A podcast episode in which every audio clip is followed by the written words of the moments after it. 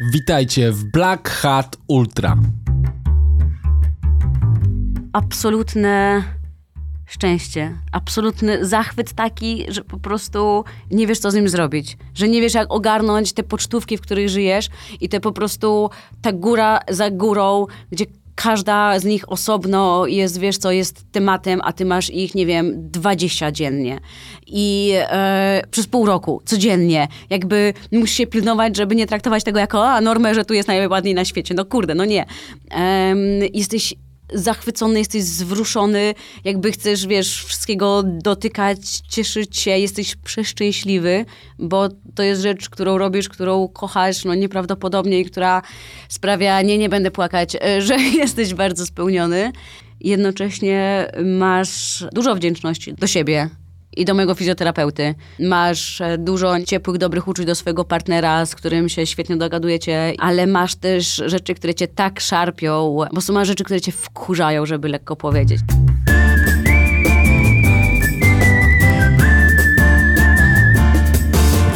Dzisiaj zabiorę Was w długą podróż po górach z Kamilą Kielar. 5 miesięcy, 5 stanów, 5 tysięcy kilometrów. Takie wakacje zafundowała sobie Kamila, która jest podróżniczką, dziennikarką, osobą wrażliwą na piękno przyrody, ale również na zagrożenia, jakie na przyrodę czyhają. Od kilkunastu lat wyrusza na wyprawy, zdobywając unikalną w naszym kraju wiedzę i doświadczenie.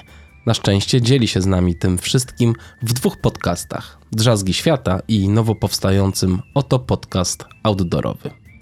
Kamila bardzo lubi chodzić po USA. Nie dość, że jest to kraj zachwycający swoją różnorodną przyrodą, to jest tutaj wytyczonych sporo długodystansowych szlaków trekkingowych z wieloma miejscami, gdzie można się zaopatrzyć.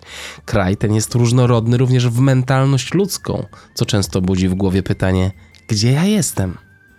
A Kamila była na szlaku Continental Divide Trail. Szła od południa na północ, od Nowego Meksyku do Montany. Tym razem szła nie sama, lecz z Tomkiem i z nim dzieliła trudy tej wyprawy, do których należały burze, brudna woda, niedźwiedzie, śniegi, upały i pokonywanie średnio 30 km dziennie. I tak przez ponad 5 miesięcy. No zazdro. A jeśli podoba Ci się to, co robię, gorąco namawiam do wspierania mojego projektu na patronite.pl ukośnik Black Hat Ultra. A teraz? Buty, plecak, parasol i w drogę.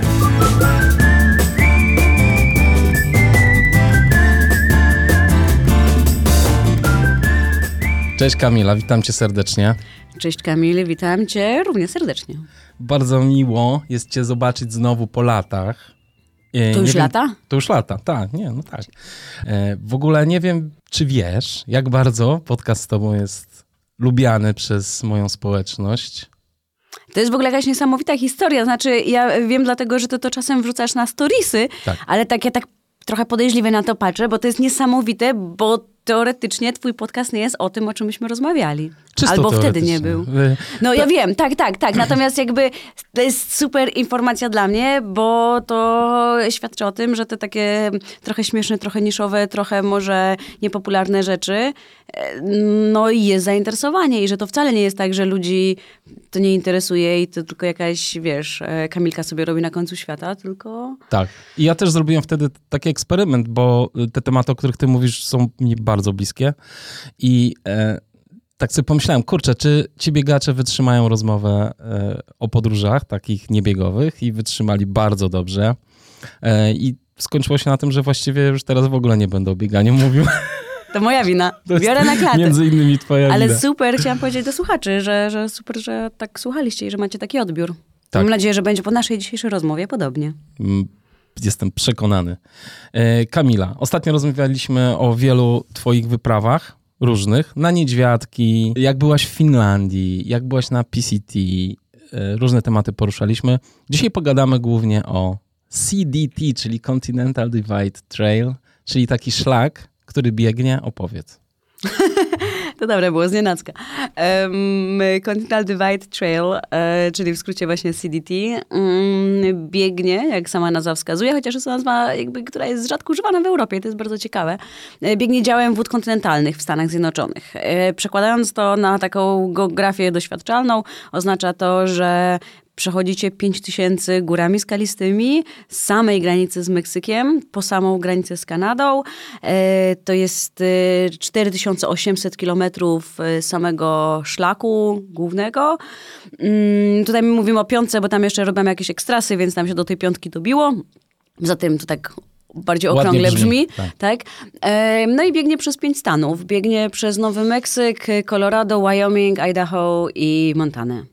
I w tej kolejności właśnie szłaś. Tam był jakiś myk, o którym zaraz Tak. opowiesz, ale szłaś generalnie z południa na północ. E, Takie było założenie, e, natomiast szlak można robić w dwóch kierunkach i można go robić e, w dwóch kierunkach naraz i to jest ta moja wersja, o czym pewnie zaraz. Natomiast jakby warto tutaj dodać, że to jest szlak, który koncepcyjnie został stworzony, żeby iść z północy na południe albo właśnie w dwóch kierunkach naraz. Ta wersja z południa na północ, która jest taka, nie wiem, w moim rozumieniu bardziej archetypiczna, bardziej jakaś taka, nie wiem, dążenie na północ. No tak, je- je- jest w tym coś symbolicznego. Jest wersją, która jest e, dużo mniej możliwa do zrobienia z tego względu, że warunki pogodowe w Colorado na czterotysięcznikach mogą nie puścić, a nie można zacząć późno, później jak już śnieg mm, zejdzie, dlatego że dojedziecie zima w Montanie, a zima w Montanie wczesna, jak spada bardzo dużo śniegu w krótkim czasie, jest pomysłem ambitnym, więc... No, e, no tak. właśnie, to warto powiedzieć, ile ty czasu spędziłaś na tym szlaku, bo to jest 5 miesięcy I tydzień. tak. 157 dni, jak tak z grubsza policzyłem. Ty po prostu tam spędziłaś pół roku, cholera, w tych górach, więc ja się nie dziwię, że ty musiałaś z jednej strony spieszyć się, aż te śniegi zejdą, przed tym, aż te śniegi znowu się pojawią. Wiesz, to nie jest Obłęd. blisko. Nie, zupełnie, to zupełnie nie jest blisko. I ty też miałaś niesamowite tempo, no bo y, y, robić średnio, y, jak sobie to podzieliłem wszystko, 30 km dziennie, zakładając wszystkie przerwy, problemy, przekraczanie rzek, to, to nie jest mało. Nie da się inaczej. To znaczy, jeżeli chcesz robić na raz, to się oczywiście jest cały żargon wędrowców i e, takie zrobienie całego szlaku na raz nazywa się w żargonie through hike, e, czyli przejście całości w jednym sezonie na raz. Em, jakby nie masz, nie masz wyjścia. I są ludzie, którzy to robią w ogóle szybciej, e, ale... Jest jakiś rekord trasy? Widzisz, i tutaj od razu za, e, przychodzimy do tematu trudnego. Dlatego, że e, ty bardzo trudno jest ustalić oficjalny rekord tej trasy z tego względu, że jest to szlak, który jest skończony w trzech czwartych. E, co oznacza, że pozostałą jedną czwartą albo idziesz jakimiś ogólnymi szlakami, ogólnymi czasem drogami takimi szutrowymi, czasem sobie wyznaczasz to sam i azymutujesz. Co więcej, szlak ma e, na przykład wersję, nie wiem, otwartą w tym roku, ale wersje stare dalej obowiązują. Ma parę oficjalnych alternatyw, e, takich zatwierdzonych, bo jest takie stowarzyszenie CDTC, czyli Continental Divide Trail Coalition, które jakby zarządza, informuje, mm, ogarnia wszystko dookoła szlaku i jakby wszystkie oficjalne komunikaty idą tamtędy. To jest oficjalne stowarzyszenie, nie jakieś tam mm, prywatne czy coś. No i które są, są te alternatywy, które są zaaprobowane przez CDTC. No ale... w związku z tym, jakby z roku na rok szlak ma trochę inny dystans, więc ciężko mówić o, wiesz, No o tak. robieniu e, rekordu i, i porównaniu tych rzeczy, bo one się po prostu e, dość od siebie różnią. Póki szlak nie będzie miał jednej ostatecznej wersji, to będzie się to różnić. No nie mówiąc e, o jakiejś historii, która jest jakby jeszcze dodatkowa zupełnie z boku, że masa ludzi sobie skraca i to skraca na przykład o tysiąc kilometrów albo półtora tysiąca kilometrów. E, Ten szlak i idzie na przykład drogami. Więc jakby, ale to już ja bym wtedy już nie klasyfikowała jako przejścia szlaku per se. E, Natomiast jakby na tym konkretnym szlaku rzeczywiście jest trudno. No, Aczkolwiek, żeby nie było, jakby podejmuje się jakąś taką średnią na tym szlaku, która nawet chyba jest niższa niż to, co myśmy zrobili. Em, I na przykład myśmy poznali człowieka, który w tym roku robił tak zwane Triple Crown, czyli to jest potrójna korona wędrówkowa w Stanach Zjednoczonych. W to wchodzą trzy szlaki. Nasze CDT, Pacific Crest Trail, czyli to, co ja robiłam parę lat temu i o czym rozmawialiśmy też ostatnio, oraz szlak przez Apalachy. E, I to razem daje 7,5 tysiąca mil, czyli z 12 tysięcy kilometrów. Ale on w jednym roku? E, I w jednym roku, w jednym sezonie. What? I musisz to po prostu jakby logistycznie tak przekombinować i facet, e, on kończy Apalachy w tej chwili, on cały czas jest na szlaku. Natomiast e, on robi, wiesz co, e, on średnią ma 50 km dziennie ustaloną i to, i to nie jest biegacz. I to nie jest biegacz ultra, który jeszcze tam, nie wiem, na przykład ma ludzi, którzy, nie wiem, ogarniają support, mhm. support po prostu. Tylko to jest self-supported e, Tylko wszystko. to jest wszystko self-supported mhm. i który um, planuje, jak myśmy go jeszcze spotykali w Montanie, on planował to zrobić wszystko w 7,5 miesiąca. I, ale, więc to jest jakby, to w ogóle nie jest już moja kategoria, tak żeby było jasne, sportowa. Ja do tego nie aspiruję. Wiem, że też nie potrafiłabym, nie mam warunków chociażby fizycznych. E, natomiast chodzi mi o to, że e, naprawdę to, co niektórzy ludzie robią na tych szlakach, jest, jest, jest trochę poza skalą. E, aczkolwiek jakby skala też jest szeroka, dlatego że też są ludzie, którzy, nie wiem, na fragmenty spotkaliśmy człowieka, tak w kontraście, który robi ten szlak CTT od 34 lat. I robi go w małych odcinkach, bo życie, bo praca, bo możliwości, wszystko. Natomiast w jakiś sposób, szczerze, to mnie to imponuje bardziej niż zrobienie tego w jednym sezonie, e, bo przez 34 lata Myślisz utrzymać głowę tak. E, na jednym zadaniu i że cię, wiesz, nic bardziej nie ciągnie, nie rozprasza, tylko po prostu i wiesz, że masz mniejsze warunki fizyczne, w związku z tym robisz to jakimiś małymi bardzo odcineczkami i po prostu jesteś tak uparty przez naprawdę no, projekt życia. Niesamowite. Więc skala, jak można robić ten szlak jest ogromna. No i y, moje czy nasze 30 kilometrów dziennie średniej, y, tak jak mówisz, z zerówkami, ze wszystkim, jest pewnie po środku tego. Nie, ale spoko. Naprawdę y, w, w zacne tempo moim zdaniem. Bardzo zacne. Y, zwłaszcza, że tak jak mówiłaś, ten szlak jest często Mm, niewidoczny, znika, chodzicie po dzikim totalnie terenie.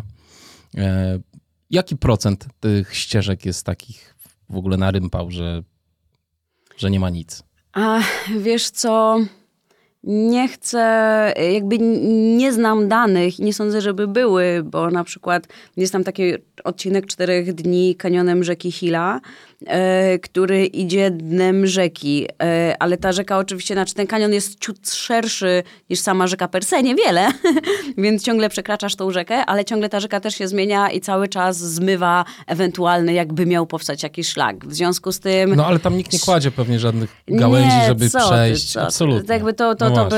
Mm, tam przez cztery dni 300 razy przekraczasz rzekę jakby gdzie tam sobie położysz? No jakby, wiesz. W związku z tym chodzi mi o to, że ten szlak e, jakby chyba się nawet nie da policzyć, e, jaka część jego jest niewytyczona.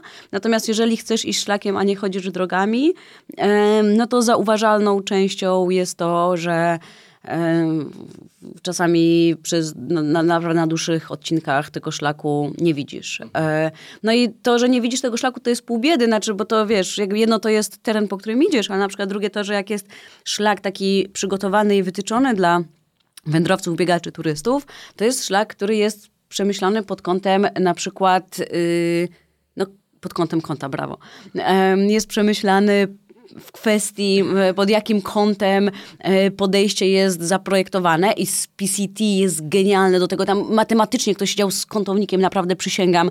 E, także możesz iść tam pod górkę i w ogóle nie zauważyć tego, a, a tniesz przez górę przez 20 kilometrów pod górę. Um, a tu nie ma wybacz. A tu jak i tam, i, albo są na przykład zygzaki, tak? Które tak. idą do góry. A tu masz jakby to, że nie masz ścieżki, to nic, tylko że masz grań tam na prosto, w dół równie na prosto i po prostu... To tak po norwesku jest. I totalnie, tak, tak, tak. Tam jest w ogóle przecież nikt nie będzie tutaj się przyjmował jakimś takim, wiesz... Dokładnie. Twoim dyskomfortem. Twoim dyskomfortem, więc jedno to jest, że nie ma ścieżki i jest azymut, ale za tym idzie konkretnie to, że masz... E, jakby ci to tempo e, piechura spada do tempa, no tak. wiesz, no tak, czołgania oczywiście. się czasem po tych graniach. Plus jeszcze samo podłoże, prawda? Często tak. to jest pewnie bagno, często to są jakieś luźne kamienie, więc ci wykręca kostki we wszystkie Wszystko. strony. No. E, śniegi, piaski, woda, no dziwaczne trawy, krzory, mhm. no wszystko. Tak. duży, duży dyskomfort. Ty w ogóle ćwiczyłaś jakoś kostki przed? Czy, znaczy właśnie, opowiedz co ci się wydarzyło przed, bo ty Ja o, ćwiczyłaś kostki, ja ćwiczyłam złociutki właśnie. To opowiedz o tym wypadku. Em, miałam wypadek e, rowerowy, który zdarzył się 200 metrów od mojego domu.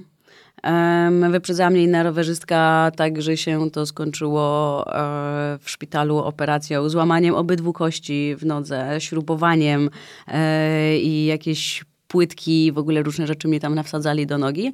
Um, wyjęli po prostu wiertarę. I, naprawdę, po prostu. E, pani tak powiedziała, pani anestezjolożka powiedziała, słuchaj, w trakcie operacji, że mm, teraz będzie takie nieprzyjemne dźwięki jak z remontu, bo będziemy wiercić. Ja po prostu, ja pierdzielę. Bo to nie była na pełno, znaczy ja byłam przytomna w czasie Byłaś operacji. przytomna? Tak, tak, O, tak, bo to Jesus. było to znieczulenie w kręgosłup, Tak. więc tylko ci pół ciała odcina. Ale jakby wolałam tego nie wiedzieć, okej. Em, no natomiast... Za dużo informacji. Z, tak, tak. Natomiast e, rzeczywiście skończyło się, y, bo jedno to jest operacja, natomiast e, to złamanie było tuż nad kostką, więc to było takie trudne miejsce, które wpływa na pracę całej stopy i pracę kostki ścięgna, plus początkowe nie- unieruchomienie. No i mm, to było naprawdę pięć miesięcy od wypadku do stanięcia na startu, starcie, czyli tyle samo co szlak de facto. Eee, po dwie, trzy godziny, czasem cztery ćwiczeń dziennie, każdego dnia. Ćwiczeń tak, Kamil, nudnych, tak nieseksownych. Nic To nie są... E, pew... mm, świetnie. Nie, no w sensie tak. Nie, ale w sensie Ja chodzi wie- ja wiem, mi, mi o tak. to, że Ja jakby się super chodzi, wiesz, na, nie wiem, na siłownię, na fitness, Tak. na bieganie, Tak. na cokolwiek robicie sportowego i to Jasne. jest super fajne, super sexy. A jak masz po prostu siedzieć i po prostu Tak. zginać nogę przez dwie godziny, Współczuję ci. wiesz, jakby brzydkie słowa się cisną, co cię chcesz trafić, tak? E, bo szlak to za mało Mhm. Ale powiedziane, powiedz, nie? robiłaś wszystkie ćwiczenia? Wiesz co robiłam? Dobra Moją największą, wiesz co, ja miałam jakby jak chciałam, a wiesz oczywiście, że chciałam tym rzucić, tak? Znaczy w sensie takim, że na zasadzie sobie odpuścić danego dnia, danego, danej części, nie że rzucić całkiem. Natomiast e, jakby wtedy zawsze myślałam, że jak będziesz musiała rzucić przez to szlak, będzie ci dużo bardziej przykro. I to była moja, jakby to mnie po prostu utrzymało. E, Plus jakby muszę wspomnieć i jakby będę to do końca życia powtarzać. Ja miałam genialnego fizjoterapeutę od, od sportu, z, który jakby pracuje ze sportowcami, więc jakby to przygotowanie prowadzi inaczej e, i prowadzi w, w sposób super efektywny i To powiedz A. od razu, kto to jest, bo moi słuchacze szukają fizjoterapeutów. I- ale nie wiem, a potem ja się nie dostanę, bo będzie taka kolejka. O, już jest to nie zagarnie wszystkiego dla siebie. Podziel się. Fizjomedicum z Krakowa, a Artur Pietras, polecam. Polecamy pana Artura. E, bardzo. No więc w związku z tym jakby to moje przygotowanie e, w tym roku skupiło się w 100% na rehabilitacji. Ja nie miałam, słuchaj, jak ja stanęłam na trasie, to ja nie biegałam cały czas. W sensie nie miałam tego odbicia, wiesz, w stawie skokowym. Chodzenie jest dużo bardziej takie naturalne i mniej inwazyjne, w związku z tym nie było to, jakby miałam zielone światło od chirurga, właśnie od Artura, mojego fizjo i tak dalej. E, natomiast jakby to nie była jeszcze, wiesz, noga taka w 100% działająca, więc ona się rehabilitowała. Jestem w 100% przekonana, że e, to chodzenie jako nieinwazyjna forma bardzo jej pomogła. No myśmy też jakby zakładali wolny start, wolniejszy start, e, luźniejsze odcinki na początku, żeby jej nie wykończyć, zobaczyć. Natomiast ja naprawdę, i to nie jest, wiesz, fajna historyjka do opowiadania i podkręcone pitu-pitu, tylko ja naprawdę nie wiedziałam, czy ja po pierwszy mm, miasteczko było od startu od granicy po pięciu dniach, czy ja dojdę do tego pierwszego miasteczka. E, Bo jakby ja liczyłam się z tym, że ja mogę w każdej chwili być wyeliminowana. Więc e, no e, tak, miało to duży ten wypadek wpływ na moje życie, bo też straciłam parę projektów, też jakichś tam innych reporterskich czy audio właśnie, które miałam realizować też zresztą w Stanach, bo wypadek był trzy dni przed wyjazdem. Em, I, i super mnie to motywowało, że ten wypadek mnie dużo zabrał, tak? Od rzeczy właśnie, nie wiem, mentalnie trudnych, po finanse, chociażby jakby też nie ma co ukrywać. Em, to nie jest tanie hobby, wiesz, e, rehabilitacja taka przez pięć miesięcy. Domyślam się. Em, e, nie, natomiast generalnie, e, że po prostu tak strasznie nie chciałam, żeby zabrał mi jeszcze ten szlak po prostu. Ta fatalna sytuacja, y, żeby po prostu odebrała mi i to. A tę no. decyzję o CDT kiedy podjęłaś? No z rok wcześniej, Rok wcześniej. tak. Mhm. To też jest, wiesz, tam niektóre rzeczy y, no, trzeba odpowiednio wcześniej planować, nie wiem, transport na granicę. Bo masz w środek meksykańskiej pustyni, masz meksykańsko-nowomeksykańskiej, e, masz, masz granicę i to nie jest hopsasa się tam dostać. I na przykład jeżdżą takie szatle, takie jeepy, które gdzieś tam dla hikerów, natomiast ich jest, wiesz, dwa na krzyż, więc jak sobie go pół roku wcześniej nie klepniesz, no to strasznie musisz kombinować logistycznie. Albo musisz już ten pierwszy, albo spędzić nagle 10 dni, wiesz, zamiast pięciu na pierwszym odcinku i iść tam i z powrotem, albo jakieś, nie wiem, kombinować gdzieś z jakiegoś innego miejsca, nie wiem. A jakiś dojść lokale tam by was nie podrzucił, nie? Wiesz co, Jaki tylko to chodzi o to? No. to nie chodzi o dystans, tylko chodzi o to, że ta droga przez pustynię tam, to musisz mieć bardzo dobre 4 na 4 i jedziesz ze 3 godziny e, w takim full offroadowym terenie. I w związku z tym to jakby lokales to jest jedno, em, tak jak mówisz, ale to nawet jak słuchanie, to, to jest też kwestia samochodu, kwestia czasu. em, więc wiesz, No no, tak. to, są, to są jakieś, nie wiem, bilety lotnicze, jakieś takie rzeczy, nie? Więc e, no tutaj nie ma to, co jest na PCT, że musisz mieć e, permit na przejście całego szlaku, które się wyprzedają jak, e, wiesz, bilety na Dawide Podsiadłe na Narodowym w dwie minuty. E, Po prostu znikają permity, więc musisz wiedzieć dokładnie, którą chcesz datę i po prostu odświeżasz, odświeżasz, odświeżasz, odświeżasz, wiesz, aż ci To aż na ci bieg wpadnie. rzeźnika u nas. Tak, tak, tak. Myślę, że to jakby jest parę takich imprez, które Tak. się w to e, wpadają. No i ten permit też musisz załatwiać na PCT bodajże w październiku czy listopadzie, jak sezon startowania jest kwiecień, maj.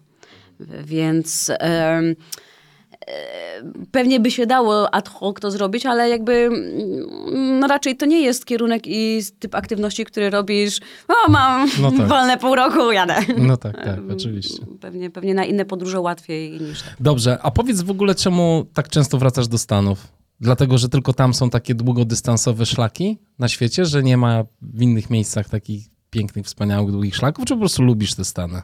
Jedno i drugie. E, Wiesz co, oni rzeczywiście tych szlaków takich, w takim dystansie, no ultra długodystansowych, bo to jakby ciężko nazwać, wiesz, e, e, nie wiem, mm, no my w Polsce tu w ogóle jakby nie mamy takiej możliwości No przede tak, wszystkim. możemy tak? sobie GSB cztery razy zrobić. E, Dziesięć. 10 razy. 10 razy. E, no ale to jakby głupio trochę. No tak. E, Chociaż to kto lubi. Nie no, z GSS-em jeszcze można połączyć. To dalej To, to dalej 5 razy. Pięć razy, no właśnie. Em, No natomiast wiesz co, em, i tych szlaków tam, takich, co mają po parę tysięcy kilometrów, jest ponad 20. E, Trzy te najbardziej znane, których rozmawialiśmy przed chwilą. Natomiast ich i naprawdę jest czym wybierać. One mają jakby szeroki zakres nie tylko dystansu, ale typu przyrody, przez które idą, em, trudności, ścieżki, nie wiem, zagęszczenia, po prostu, tak? Mnie, mnie interesują szlaki, które idą przez miejscowości, przez wsie, albo które są takie bardziej właśnie, nazwijmy to w cudzysłowie, wiejską przechadzką. E, Znam, które są w ogóle przepiękne koncepcyjnie, ale właśnie bardziej są takie od wsi do wsi, ale jakby nie jest to mój styl. To nie, nie miało brzmieć e, ocennie. Natomiast rzeczywiście jest e, ilość szlaków, które prowadzą przez nieprawdopodobne tereny przyrodniczo długo, miesiącami. No jest, jest bardzo duża i to jest zresztą typ, też typ przyrody i rodzaj przyrody i rodzaj ekosystemu, który mnie interesuje najbardziej. E, I ja po prostu strasznie lubię amerykańską przyrodę. I to jest mój główny powód, dla którego do Stanów wracam. Do Stanów i do Kanady. Mm, więc, e, więc jakby przyrodniczo powiedzmy to jest w miarę jeden... Tak jak mówisz no. jeszcze o Kanadzie, tak sobie spojrzałem, wiesz, na ten, nie na szlak, y, bo tam szlaku nie ma, ale na ten cały dział wód y, kontynentalnych, że okej, ty doszłaś do Kanady, ale dział wód się nie kończy. No nie. I on tam pięknie idzie, w, w ogóle lawiruje przez Kanadę i jeszcze cudownie wpada na Alaskę. Taki, takiego robi ciubaska przez, przez e, Brooks Ranch. To też musi być wspaniałe, ale tam już jest taka dzicz, że... Plan na lato 24. Co ty gadasz? E, wiesz co, taki nie. To znaczy częściowo to, co powiedziałeś, e, bo dokładnie z miejsca, gdzie myśmy kończyli, gdzie jest Meta CDT, zaczyna się kanadyjska wersja przez kanadyjskie Rockisy działem kontynentalnym i to już jest taki, taki azymut pogrania, że w ogóle nam jest no wesoło. I myślę, że tam nie będziemy robić takich średnich, mimo wszystko. Natomiast jakby rzeczywiście planujemy to na przyszły rok. Super. E, tylko, że nie, nie, nie na, na Alaskę, bo ta wersja kanadyjska ma, jest krótsza, dużo ma 1200, no więc to jest taki, wiesz, dużo subtelniejszy dystans. Um, no, ale bo tak jak mówisz, bo cała reszta to już jest jakby tak, to już musiałabyś się umawiać z helikopterami, żeby wam zrzucali Zrzuty jedzenia, jedzenia. tak, dokładnie. Bo inaczej to dokładnie tak. nic się by tam nie wydarzyło ciekawego. No właśnie, dochodzimy do logistyki tego szlaku. Moje główne pytanie jest takie. Ile dni wy spędziliście najdłużej bez dostępu do Dziewięć. jedzenia? Dziewięć. Ile ważyło jedzenie? Nie mieliśmy wagi ze sobą, ale... Ale chyba dużo. Wiesz co, tak, na 9 dni żarcia e, jest dużo, zwłaszcza, że jesteś non-stop głodny. Ale jesteś tak głodny, że jak schodzisz do miasteczka, to zjadasz połowę tego miasteczka z mieszkańcami włącznie. Więc jakby, mm, znaczy są ludzie, którzy potrafią ciągnąć na samych batonach, nie mam pojęcia jak oni to robią, Um, natomiast e, wiesz co, no, jedzenie na 9 dni, żeby chociaż jakkolwiek rekompensować taką stratę energetyczną, jaką masz, chodząc kilkanaście godzin dziennie, e, no to na przykład takim patentem, który zawsze bierzemy jest e, oliwa bo oliwa ma genialną proporcję ilości kalorii, jest bodajże 200 kalorii na łyżkę w stosunku do wagi, więc tą oliwę po prostu do wszystkiego. Od owsianki do herbaty, nieważne, po prostu pijesz prawie że z gwinta, nie wiem, jakieś masło orzechowe, jakieś takie rzeczy, e, bo chodzi o to, że na suchym nie jesteś w stanie wszystkiego nadrobić kalorycznie, chociaż, chociaż trochę, chociaż żeby mieć takie, wiesz, nie czuć się taką dętką totalną. Ile e, paliłaś kalorii dziennie, wiesz? Wiesz co, mówi się, jakby ciężko, myślę, że to jest indywidualne, natomiast e, jakby taki średni przedział, jak są badania, to jest od 4 do 6 tysięcy kalorii. Mhm. Ja pewnie byłam, nie wiem, 4 do 5 niż te wyższe, no bo jednak jestem mała i mhm. myślę, że to ma znaczenie. I pewnie no, jadłaś 2,5-3. Myślę, że mniej. Myślę, że mniej. Myślę, że mniej. Mhm.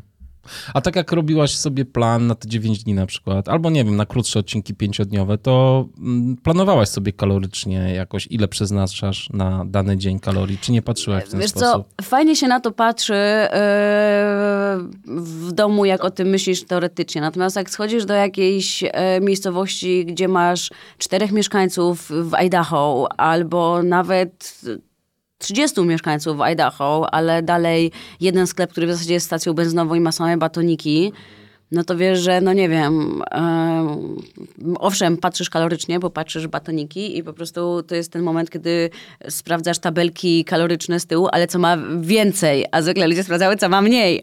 I po prostu bierzesz wszystko, co ma najwięcej. Naprawdę porównujesz, nie wiem, paczkę chipsów. Chipsy są o tyle dobre, że są tłuste i mają sól, więc za zatrzymują wodę w organizmie więc się, i są lekkie, więc jakby też wszyscy jedzą chipsy. Wiem, ja, ja wiem jak to brzmi, okej, okay? dobra, żeby nie było, ale, ale, ale taka jest prawda, e, że, że chipsy jakby robią karierę na tym. E, no i naprawdę porównujesz, wiesz, do grama chipsa, który ma więcej kalorii. E, natomiast takiego mądrego planowania dietetycznego, jakkolwiek e, byłoby na pewno bardzo zdrowe, wskazane i tak dalej. No technicznie musiałbyś sobie wysyłać paczkę w każdy punkt zaopatrzenia. No i to jest tak naprawdę trochę już y, niemożliwe, albo bardzo trudne, albo strasznie komplikujące życie. A I... nie próbowałaś nawet tego robić, na przykład sobie na jakąś pocztę wysłać? Wiesz co, wysyłaliśmy sobie tak? paczki, wysyłaliśmy sobie też zmiany sprzętu, no bo wiesz, y, niekoniecznie mieliśmy ten sam sprzęt na pustyni, co nie wiem, w Montanie, tak, czy w Colorado. Y, więc po pierwsze sprzęt chodził, po drugie tak, były też takie miejsca, gdzie wysyłaliśmy jedzenie, albo nadmiary jedzenia, bo gdzieś tam na przykład był właśnie jakiś super sklep, no to robiliśmy większe zakupy i przesyłaliśmy mm, Nie, żeby się nie dało, ale żeby mieć coś po prostu rzeczywiście lepszego. Um, Korzystaliście z poczty wtedy? Tak, okay. najlepiej jest z poczty. E, aczkolwiek poczta też ma w tych małych miejscowościach dziwne godziny otwarcia, typu, nie wiem, wtorki, czwartki i piątki między 12 a drugą i to jest jakby dokładny rozkład godzin poczty. No natomiast um, jak się na to uważa, no to rzeczywiście yy, no, Posteresante działa super. Wysłasz sobie na nazwisko i odbierasz. Um, I na przykład ile ekstra. dni idzie paczka? Kilka. Il... Tak? Mhm. Okej. Okay. No i znaczy raz y, utknęliśmy na trzy dni, bo nie doszła paczka i to ekspresowym kurierem akurat było jakaś tam sytuacja awaryjna sprzętowa. Pierdała, wiesz, bo y, zgubiłam kijki, końcówki do kijków. Tą samą taką końcóweczkę ostrą, a wchodziliśmy na czterotysięczniki i tam takie, taki odcinek z, z samymi czterotysięcznikami ostrymi, na tymi jeszcze zejściami lodowcami. No więc jakby no nie mogę pójść z tępymi kijkami, tak? W sensie takimi, bo ta, ta całość odpadła w związku z tym. E, no musieliśmy poczekać, no, po prostu ekspresowa jakaś dostawa nie doszła. A czy te, mieliście jakieś miejscowości, gdzie mogliście się porządnie zaopatrzyć, kupić, nie wiem, buty nowe albo coś, co się zniszczyło, plecak, namiot? Internet. Okej. Okay. I Najłatwiej. Sobie... Wiesz co, myśmy wiedzieli, co chcemy, wiedzieliśmy, co się sprawdza, jakiego sprzętu używamy, więc Czyli po co, prostu... Amazon i... tak? Amazon chętnie, ze względu na bycie Amazonem, ale e, generalnie jakieś tam sklepy outdoorowe, czy sklepy sportowe, które to miały, tak, jak najbardziej. Dobrze. No Amazon, wiesz, w ogóle a propos no. E, w, w tej wszystkiego, takie super świetne dostawy w pół dnia czy w dzień, jakby to na pewno działa, ale w dużych miastach. W, dużych miastach, w tych y, mikromiejscowościach, to naprawdę czasem mikromiejscowości. To nie bardzo. Mm. Tak. Nawet mają, wiesz, że jest blokada, w ogóle nawet nie możesz zamówić często, bo po prostu jest cały region na przykład wykluczony, właśnie jakiś tam górski, nie? No bo, bo to by się kompletnie nie opłacało w tych ich systemach po prostu. Jasne. Dobrze, to już mniej więcej wiem. 9 dni najdłużej, to kawał czasu. Spotykaliście dużo osób na szlaku? Jak to wyglądało? Wiesz, to zależy od odcinka, bo na przykład w Nowym Meksyku, kiedy startowaliśmy, to jest jakby wąskie okno pogodowe, w związku z tym jakby mniej więcej wszyscy startują na przestrzeni, no może miesiąca. W związku z tym tych ludzi, wiesz, spotyka, zwłaszcza na początku, jak jeszcze nie wszyscy, jak ludzie jeszcze się dostosowywują do, mm, do prędkości przelotowych, no to jeszcze jakby mm, to się mijacie, bo potem jak wszyscy są na swoich przelotowych, to już wszyscy idą tym samym tempem, więc jak masz kogoś dwie godziny przed sobą, to może mieć go dwie godziny przez dwa tygodnie i nie wiedzieć, że jest przed tobą, bo idzie dokładnie tak samo jak ty. Natomiast no, w Meksyku się dużo z osobami mija, zresztą wtedy jest najwięcej osób, no bo potem mm, dużo osób albo rezygnuje, albo jakoś zmienia kierunki, albo jakoś w ogóle kombinuje, albo nie wiem, wynajmuje vana i stwierdza, że teraz będzie van life robił. Jakby różne ludzie mają pomysły, więc na, na, na pewno na początek jest dużo osób w Nowym Meksyku. E, w Colorado, który myśmy akurat robili w miarę pod koniec naszej wędrówki, e, właśnie ze względu na zmianę e, kierunku, to w Colorado też było więcej osób, dlatego że równolegle do CDT idzie popularny szlak Colorado Trail. Ponieważ to jest taki, wiesz, taki szlak do zrobienia przyjemnie w miesiąc, czy tam, nie wiem, parę tygodni, e, no to dużo więcej osób się na niego decyduje, dużo więcej osób, wiesz, sobie nim wędruje, więc tutaj spotykasz ludzi, plus Colorado samo jest, no, popularnym kierunkiem, więc w Colorado jak najbardziej tak. Natomiast jak e, przerzuciliśmy się do Montany, ja może w ogóle powiem o tym, bo to może być niejasne dla Opowiedz. słuchaczy, tak? tak. E, bo to było tak, że jak myśmy... O tym flip-flopie, tak? Flip-flopie, tak. E, to jest znowu żargon fruhajkerski. Polega to na tym, że jeżeli musisz zmienić kierunek z różnych powodów, bo jest pożar, bo masz, nie wiem, jakieś trudne warunki, e, bo, nie wiem, masz wesele siostry w Montanie. Jakby mogą być różne powody. Mm, musisz zmienić kierunek. Zazwyczaj jest to spowodowane warunkami. Albo śniegiem, albo pożarami, albo powodziami mm, i nie chcesz przerywać szlaku, nie chcesz na przykład pojechać na dwa tygodnie do domu, czy coś takiego przeczekać, czy mm, no nie wiem, nawet dłużej, by ludzie, którzy na miesiąc sobie przeczekiwali, czy zejdzie śnieg w Colorado, no myśmy nie mieli ani nie chcieli mieć takiej możliwości, no to jedziesz wtedy, zostawiasz jakby szlak w jednym miejscu, przerzucasz się na inne miejsce w szlaku w naszym przypadku bardziej na północ i od tego miejsca z północy idziesz na południe do miejsca, gdzie ten szlak opuściłeś. Także no i potem na przykład sobie wracasz i dorabiasz jakąś tam końcówkę, która ci na przykład została, to też w naszym przypadku. Natomiast chodzi o to, że w kategoriach y, tym, czym jest zaliczony fruhike, to jest y, ta wersja flip-flopowa jest jak najbardziej ym, Legitna. legitna, tak? I jakby traktowana jako y, normalne zrobienie szlaku. No, tak jak mówię, City w ogóle też było planowane pod flip-flop, e, jak ze względu na warunki w Colorado są wysokie góry. No i chodzi o to, że, e, że no myśmy zrobili flip-flop ze względu nawet, nie chodziło o śnieg per se, bo w tym roku śnieg w Colorado był e, dwukrotność normy pokrywy śnieżnej. Natomiast chodzi o to, że już od północnego Meksyku ostatnie parę dni w północnym Nowym Meksyku mieliśmy cały czas śnieg. I na tym śniegu moja kostka właśnie powypadkowa, pooperacyjna em, bardzo protestowała. Ona po prostu bardzo mnie bolała, bo na śniegu oczywiście tą kostkę stawiasz pod tysiącem różnych kątów non-stop, nie zawsze kontrolowanie, bo ci się tu ślizgnie, tutaj wpadnie w dziurę i tak dalej. E, W związku z tym ona rzeczywiście bardzo się zmęczyła takiego niepokojącego mnie momentu.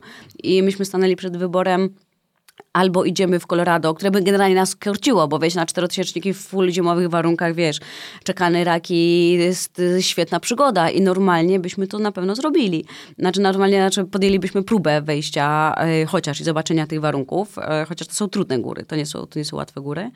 Mm, w taki, znaczy one w ogóle nie są łatwe, a w takim warunku to już zupełnie. E, natomiast jakby mieliśmy albo do wyboru wejście tam i prawie, że na 100% z- wykończenie tej mojej kostki i, zejście ze szlaku, albo przejechanie do Montany i dojście do Colorado w momencie, kiedy tam ten śnieg stopnieje. I będzie... i a to się równa zrobienie całego szlaku. Więc wybór był jasny i krótki, wiesz... e, I, I w ogóle bezdyskusyjny, tak? I możemy sobie mówić, że pewnie w normalnych latach, no i co z tego? A to nie było jakby... em, Nie no, przy tej No. długości szlaku to wiesz, podejrzewam, że tyle niespodzianek y, Tyle mieliście, właśnie wa- że- warunków tak, może być zmiennych, że jakby dlatego ten Jakby- flip-flop jest legitnie tak, uznawany, tak, bo nie jakby dziwię się, nie dziwię się. za dużo może być, e, Tak. tak? No, mm, więc dlatego, e, mimo że logicznie by było wejść do Colorado po Nowym Meksyku, myśmy Colorado robili prawie na sam koniec. Jak myśmy przeskoczyli do Montany, nie przeskoczyliśmy na samą granicę, co by było logistycznie najmądrzejsze, bo byśmy tylko raz przejechali Stany w poprzek, e, wiesz, żeby się przedostać na tamtą część szlaku północną, ale bardzo chcieliśmy skończyć szlak na północnej granicy z Kanadą. W związku z tym symbolicznie, tak. E, Zresztą e, tam, gdzie ona się kończy, ten szlak, gdzie on się kończy, ten szlak w Parku Narodowym Glacier, jest jak tak nieprzytomnie, spektakularnie, że jakby jakieś losowe miejsce na granicy między Colorado a Nowym Meksykiem a, jak masz, jak masz, wiesz, w związku z tym, um, no bo to jest jakaś taka miejscowość, wiesz, losowa jest, no wiesz, tak, i zielone mówisz, chili okej, i to jest, no tak, no fajnie, fajnie, nie? A, a tutaj, tu masz ten, wiesz, ten obelisk, tak, ta granica, to jest, wiesz, jakby nie ma większego symbolu, więc dlatego sobie zostawiliśmy ten fragment e, ostatniej północnej Montany, żeby, żeby tam kończyć. A jeśli, moi drodzy, chcecie wesprzeć nasze projekty, mój i Kamili, zapraszam na Patronite. Mój projekt możecie wspierać na Black Hat Ultra, a Kamili na Drzazgi Świata. Zapraszamy! Na jakie największe niebezpieczeństwo się szykowaliście? Czy to są misie, czy to pogoda? Co? Znaczy, trochę byliśmy świadomi, że jest to szlak, który może ukąsać z każdej strony.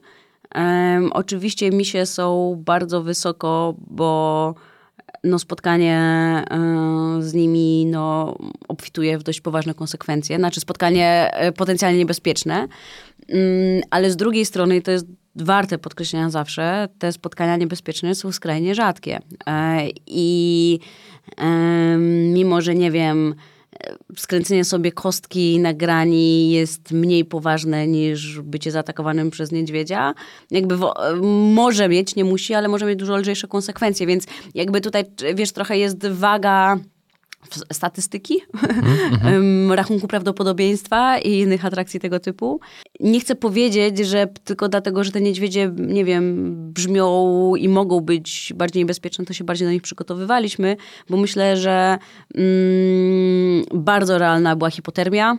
Em, non, Montana cztery tygodnie non-stop bycia w mokrym. Ta woda była z góry, z boków, z dołu, absolutnie wszędzie. E, jedyne, co można było zrobić, to um, desperacko dbać o to, żeby rzeczy do spania były suche, bo cała reszta jakby no, nie ma wyjścia. Śpiwór Natomiast, puchowy mieliście? Tak. E, ale mieliśmy dobre zabezpieczenie jakby go przed, przed wilgocią. Natomiast e, wiesz co, no jak jesteś, jednocześnie temperatury są plusowe, jednocyfrowe, niższe. Więc jeżeli masz 4 stopnie i jesteś mokry od 3 tygodni, um, jakieś takie historie typu stopa okopowa, to są bardzo trudne warunki. Łatwiej jest, jak jest minus 20, tak? Um, no, więc jakby jakieś, wiesz, jakieś takie historie, no, były bardzo prawdopodobne. No i um, no nie wiem, zdarzyło nam się zasnąć ze zmęczenia. W ogóle to pamiętam, wiesz co, e, na lunchu przy zamarzniętym strumieniu, byśmy tak zmęczeni, wiesz, po prostu warunkami, że masz wszystko zamarznięte, masz, wiesz, na minusach, ty jesteś, masz mokre ciuchy na sobie, bo idziesz cały czas w tej chlapie od tygodnia. I zasypiasz, bo jesteś tak zmęczony e, i pewnie, żebyś nie zamarzł na śmierć, ale jakieś, wiesz, odmrożenie dość łatwo, tak? Więc wydaje mi się, że tutaj z tymi niebezpieczeństwami, no to trzeba brać pod uwagę wszystko i nie można jednego lekceważyć albo skupić się tylko na niedźwiedziach, no plus, wiesz, 1200 kilometrów pustynią Nowego Meksyku bez drzew zwłaszcza w pierwszym odcinku, no potem były, tak, ale w pierwszych odcinkach nie masz się gdzie schować, nie masz jakby gdzie nie odsapnąć, nie masz, mhm. wiesz, nie masz cienia, e, masz 40 parę stopni, tysiąc UV e, rzucających się na ciebie z, ze słońca. Chodzi mi o to, że skala tych rzeczy była no szeroka. Szeroka, ale, tak. Ale, ale te największe, te największe, na przykład to, A, co... i burze. I burze. Ale przygotowała, przygotowywałaś się na te burze wcześniej? Oczywiście ten twój parasol wspaniały, który na pewno zobaczycie. Ja bym nie na... zrobiła tego szlaku bez parasola. Tak, ale chciałam tylko powiedzieć, że to jest e, super e, parasol, który waży 120 gramów, 123 dokładnie, który się przytrzymuje takimi klipsami do szelki plecaka, w związku z tym macie wolne ręce do kijków. E, waży absolutnie nic i uwaga, składa się w drugą stronę do góry. W związku z tym, jak masz podmuch wiatru, to nie dzieje się to, co ze zwykłym parasolem, e, czyli się nie łamie. I on, a myśmy mieli tam burz, jakby, jakby dwie trzecie dni y, padało, było mokro i większość tego była burzowa. I ten parasol wszystko przetrwał. I po prostu ja nie wiem, jak można przenieść na siebie taką ilość wody bez parasola. Więc te parasole trekkingowe są nieprawdopodobny sprzęt. Rzeczywiście bywały momenty, kiedy kalkulowaliśmy, żeby pomiędzy kolejnymi burzami, bo ich było na przykład kilka dziennie, przeskoczyć przez wysoką przełęcz albo szczyt, e, żeby jak zaczną walić pioruny, e, a waliły, mm, być po prostu niżej. Ale były też takie miejsca, jak wiesz co e, jak tak zwany basin, to jest taki płaskowyż w południowym Wyoming, które jest po prostu przestrzenią tak płaską i tak otwartą i tak absolutnie bez załamania terenu e, i tam przychodzą burze wielkości połowy Małopolski, chmura. I czar, ale czarna tak, jak po prostu tutaj to tło u ciebie. I przychodzi po prostu taka ściana na ciebie czerni na tej otwartej przestrzeni i nic nie zrobisz. To jest jakby... E, wszędzie może pierdolnąć. Mogę mówić takie słowa u ciebie? Tak. No to wszędzie może pierdolnąć po prostu i, i, no, i, no i nic nie zrobisz. No. Kurczę, niesamowite. Dobrze, ale jednak przygotowujesz się chociażby ubraniowo, sprzętowo, bo wiesz, co, co może ciebie tam czekać. Czy mm, ty to robisz już po prostu z zamkniętymi oczami, z doświadczenia, już wiesz, co wrzucić do plecaka, czy jednak coś specjalnego pod ten szlak zabrałaś ze sobą albo myślałaś o czymś takim? Trochę jedno i drugie, bo, mhm. bo oczywiście, wiesz co, te naście lat tego typu wypraw um, swoje robi, ale jednocześnie, wiesz, sprzęt się zmienia. Technologia NASA po prostu weszła w outdoor bardzo mocno i to są super rozwiązania niektóre. I na przykład z takich rzeczy, mm, no z parasolem jeżdżę od paru lat już, ale... Um, ale na przykład z takich rzeczy, które miałam specjalnie na tym szlaku i się genialnie sprawdziło, był kilt przeciwdeszczowy z dajnimy. E, czyli taka, mówiąc po ludzku, e, spódnica e, do połowy łydki e, z ultra cienkiego, super lekkiego materiału, takiego półprzeźroczystego. To nie jest materiał w e, znaczeniu tkaniny, tylko to jest też właśnie techniczny po prostu kompozyt, nie wiem jak to do końca e, super fachowo nazwać, natomiast e, to jest w 100% nieprzemakalne. No jeżeli jesteś kilkanaście godzin na deszczu, no to ochrona ud, e, wszystkiego jakby, a jednocześnie nie jest, no nie wiem, jakaś guma. Nie jest to rzecz, która ci się, nie wiem, na przykład oblepia nogawki, bo to byłby, bo są też takie rozwiązania, one są słabe, bo ci właśnie to oblepia, no jak jesteś, wiesz, działa przez dwie godziny, a potem kiepsko. Ale miałaś spódnicę, miałaś jakieś leginsy pod tym, czy... Tak, tak, znaczy do tego jeszcze jakby pod tym, ja, znaczy wiesz, możesz chodzić w, w samych Na gaciach, no, jakby dlaczego nie, tak? I Tak. wtedy przynajmniej masz suche ciuchy w plecaku. ale... e, ale tak, no ja chodziłam ze, ze spodniami, no i te spodnie, powiedzmy, same końcówki nogawek, to, że ci mokro, mokną, nic ci nie robi, nie robi ci żadnej różnicy, no bo cała termika idzie ci z ud, już nie mówiąc o tym, że to też chroni mocno przed wiatrem, a jak zwykle pada, to zwykle też wieje. Mm, bardzo dobrym patentem, który też mogę od razu sprzedać są e, i a propos technologii NASA, worki z tak zwanego nylofume. To jest taki też e, materiał, E, Wygląda to jak worek plastikowy, taki zwykły, natomiast jest dużo mocniejsze i jest też, co ważne, w takim terenie niedźwiedziowym, jest całkowicie mm, odor-proof, jak to przetłumaczyć dobrze. No, No, taki, że zapachu zapachów nie, nie- przepuszcza, tak? E, W związku z tym e, też jedzenie na przykład, jak w tym trzymasz, nawet jak to jedzenie zabezpieczasz, to to, że to jest bez, jakby trzyma zapach w środku jest bardzo ważne. No natomiast e, wszystkie rozwiązania typu takie pokrowce, raincovery na zewnątrz, to można wsadzić w losowo wybrany otwór ciała, bo to na jakimkolwiek wie, Kamil się powstrzymuje, żeby nie parsknąć. Em, wiesz, losowa zawsze to jest ten sam otwór. Prawda? Em, Słuchaj, a ten worek, o Mhm. którym opowiedziałeś przed chwilą, on jest, on jest mocny, ten, ten plastik, on jest na tyle mocny, że on przetrwa na przykład at, y, atak misia, czy Nie. nie? Nie, nie, nie, On nie. tylko po prostu powstrzymuje zapachy, więc powstrzymuje sobie wiesz, zapachy, tak. wieszacie go na noc na, Tak. na drzewie. To, co tak? powstrzyma atak misia, to są na przykład worki z kevlaru, e, które są, e, na przykład jest taka firma Ursak, która robi takie worki, które możesz już nie musisz ich tak super technicznie wysoko wieszać według tych wszystkich wektorów, które są rozpisane w każdym podręczniku survivalu, e, tylko możesz powiesić niżej, no bo właśnie niedźwiedź nie jest w stanie po prostu pazurami czy zębami tego przebić. No, no a worek Nylofume jest po prostu e, no, genialny, bo może lać ci na plecach, bo jak masz raincovera, to ci tak przez ramiona tutaj ścieka i tak wszystko e, i masz idealnie suche rzeczy w środku. I to przy takim deszczu, który masz po prostu, wiesz, dzień za dniem przez tygodniami.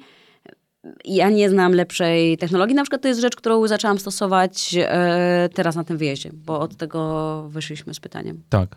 A propos tej dajnimy, to jeszcze plecak miałaś e, jakiś eksperymentalny od pajaka, tak? Miałam plecak eksperymentalny od pajaka z Dajnimy, em, który wymieniłam w pewnym momencie, ale ze względu nie na Dajnimę, bo sam materiał jest super, e, tylko ze względu na to, że właśnie e, w Nowym Meksyku trzeba było mieć ze sobą duże zapasy wody, a woda waży strasznie dużo, to oczywiście no shit Sherlock, ale em, ten plecak, e, zwłaszcza w tej wersji prototypowej, jest super lekki, on jest po prostu na coś innego. To nie jest tak, że on jest tam, nie wiem, zły, czy z nim jest coś nie tak, tylko, e, tylko po prostu jest na lżejsze wyprawy, na lżejsze, na, na, na rzeczy, kiedy po prostu nie musisz trzymać, nie wiem, ze sobą 4 litrów e, wody i jedzenia na tydzień, tak? Okej. Czyli co nie wytrzymywało? Stelaż nie był na tyle mocny? Czy... co, on nie ma stelaża i generalnie... No, taki miękki chyba, E, tak? tak, i generalnie mm, plecaki bezstelażowe się nosi na tych szlakach długodystansowych, je się inaczej pakuje trzeba bardzo jakby e, zwracać uwagę na to, jak się je pakuje, e, bo wtedy one mm, robią same zapakowaniem fo- formę stelaża.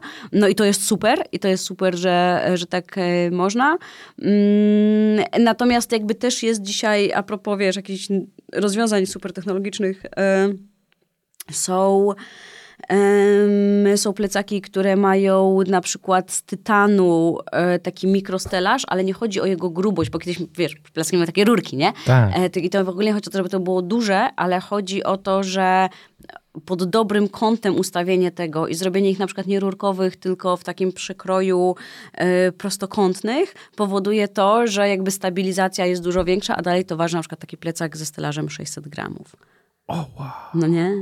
E, Sweet. No, a, a jednocześnie jakby system nośny właśnie do tego, jak musisz, okej, może twoja waga bazowa ważysz, moja była 6,5 kilo, tak? Natomiast baza to jest jedno i baza jest jakby po to, żeby czasem musisz wziąć więcej jedzenia Mm, i jak idziesz sobie na wspomnianym GSB, to jest po prostu genialnie i w ogóle super, natomiast jak musisz to doładować, to ten system nośny, którym czasem masz 6,5 kilo, ale czasem masz tych kilo, wiesz, zdublowane, a nawet więcej, e, no to, to była potrzebny, e, zamieniłam dlatego na stelażowy. Mhm.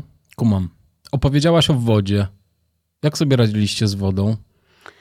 Zależy gdzie. No właśnie. Bo z- znaczy, woda to był temat, który był obecny zawsze. Albo w jedną, albo w drugą.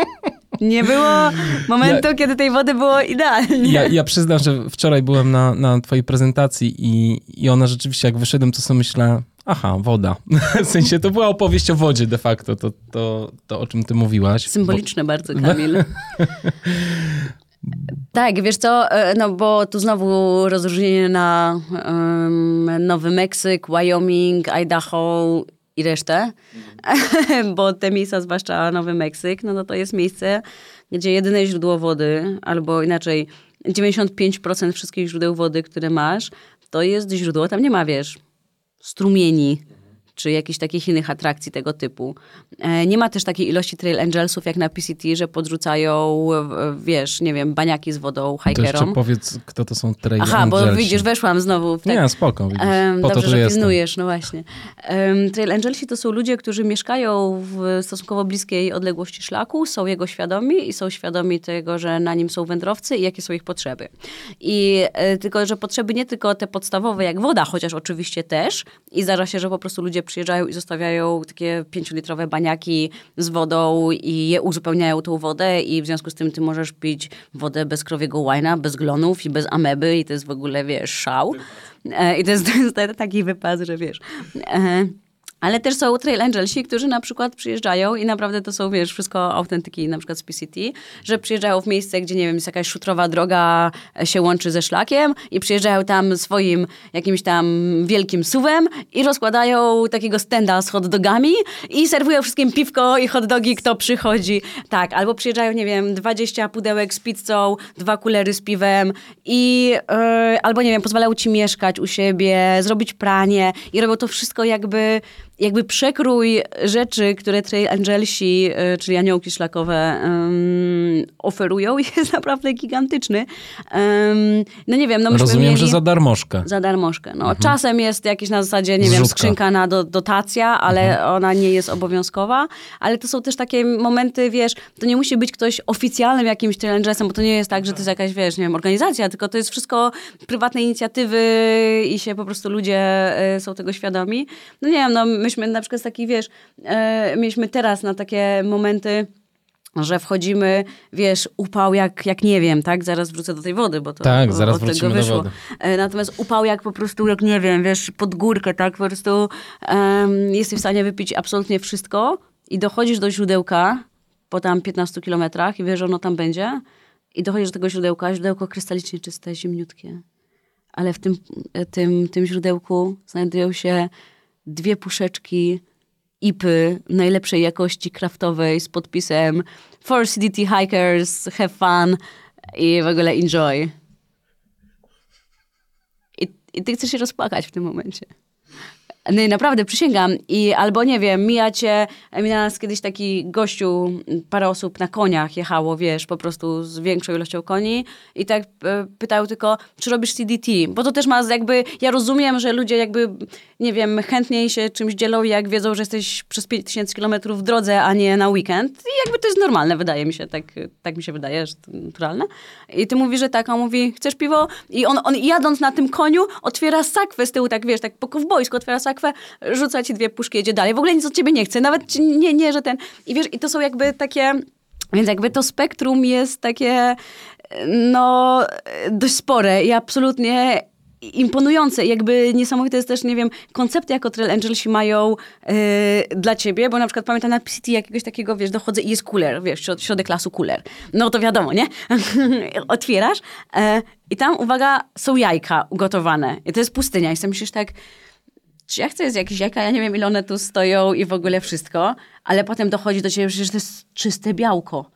I jakby, wiesz, i w sensie, że ktoś musiał pomyśleć o tym, że jakby, nie że dać ci po prostu tam, nie wiem, batoniki, czy Gatorade'a, czy whatever, e, tylko, że po prostu, wiesz, e, rzeczywiście czyste, e, czyste białko i nagle dochodzi to do ciebie i po prostu ła!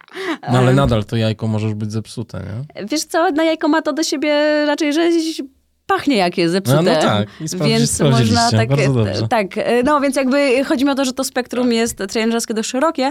E, Wracając do wody, więc e, 95% wody w Nowym Meksyku to jest woda dla krów.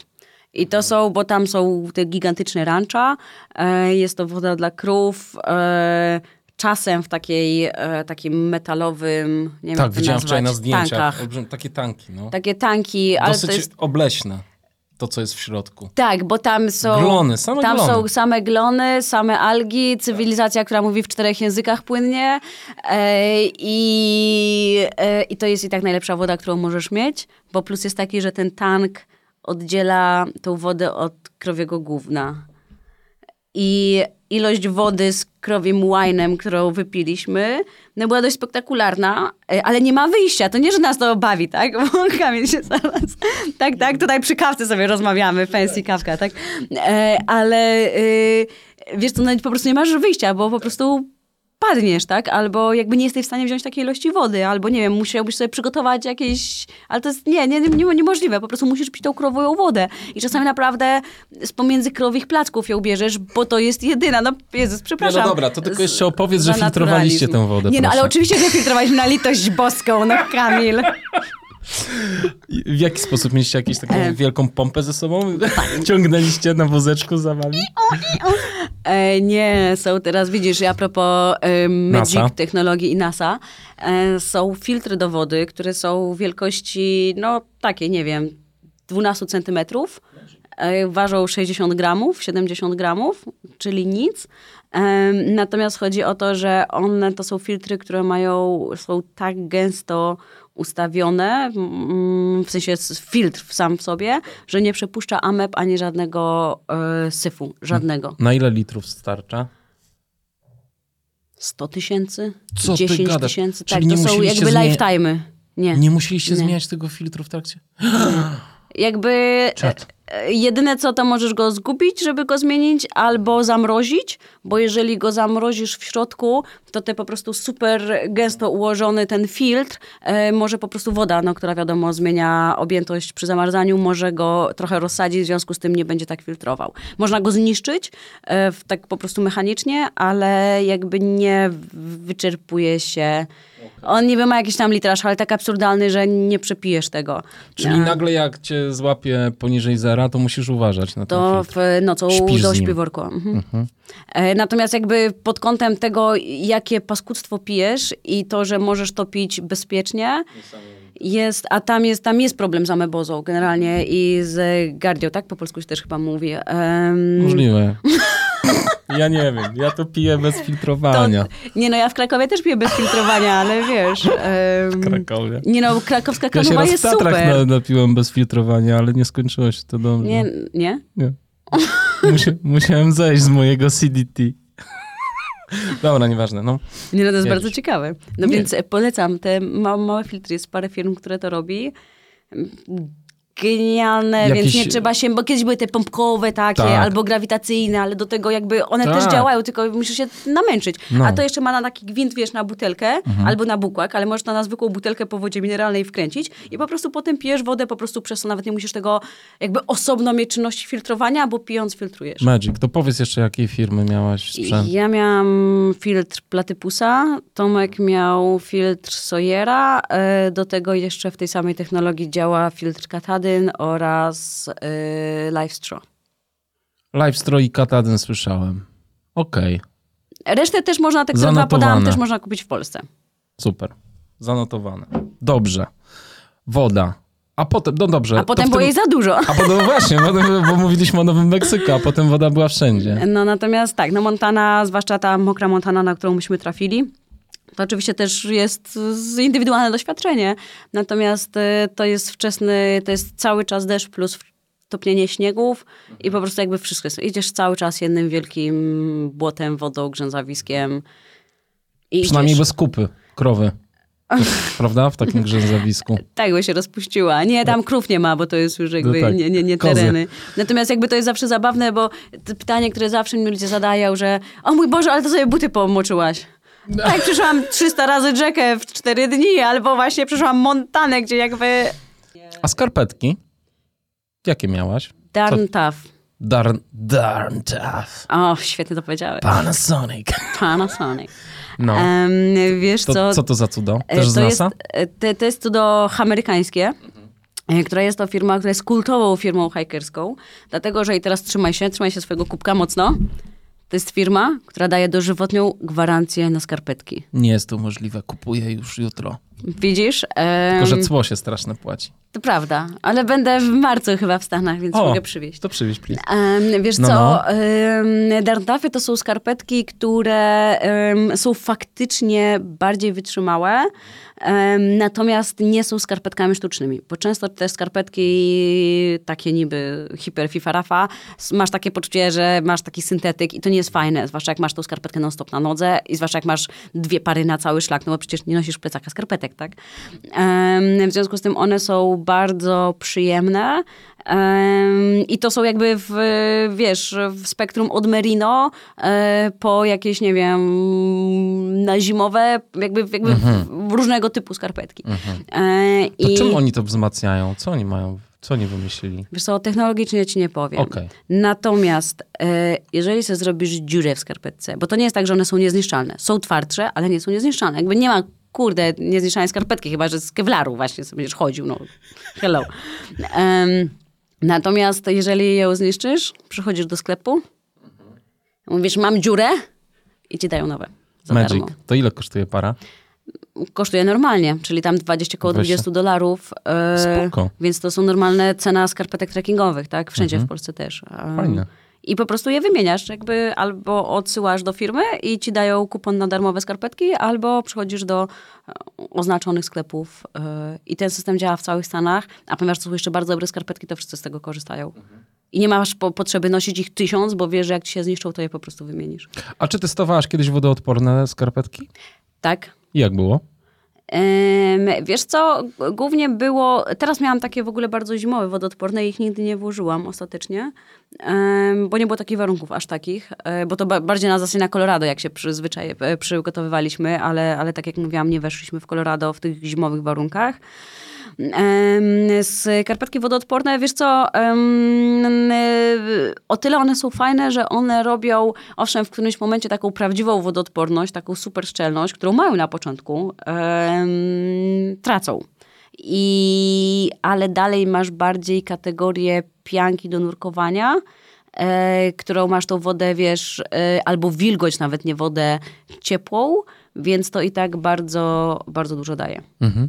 Spoko. Ale na ten szlak y, nie, w końcu nie skorzystałaś ze skarpetek. Wiesz co, Tomek miał, bardzo sobie chwalił, ja ostatecznie nie skorzystałam, e, Bo te darntafy bo były już, takie wiesz fajne. co, jakby, nie, bo już, Już było mi było wszystko, wszystko jedno. jedno. Jak jesteś od miesiąca, masz mokre nogi, jakby, co, że Oczywiście. A propos wody, jak byłaś wysoko w Colorado na 4300, tam nie było problemu ze strumieniami? Był. Był. Był, no bo to są, to są granie albo wysokości, na których wody nie ma, nie? Albo tylko spływa, więc no to to jakieś pojedyncze albo źródełka, albo rzeczywiście przy zejściach niżej. Ale to nie był problem taki, wiesz, e, typu co 30 kilometrów, tylko to był problem bardziej co, nie wiem, ewentualnie co 10, więc mm, albo w Colorado to... a może kilometrów mniej, ale ponieważ to były jakieś dzikie granie, no to zajmowało to więcej czasu.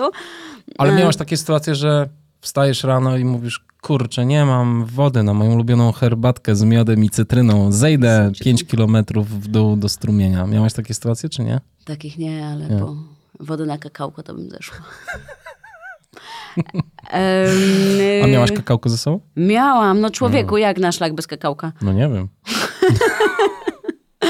E, Wiesz co, e, nie, pilnowaliśmy tej wody. Jednak, wiesz, dużo zużywasz, w takim sensie jakby musisz pilnować, żeby używać dużo, więc jakby em, głupio, głupio to zaniedbać. No, oczywiście Ale wędrówek po wodę nie robiliście specjalnie.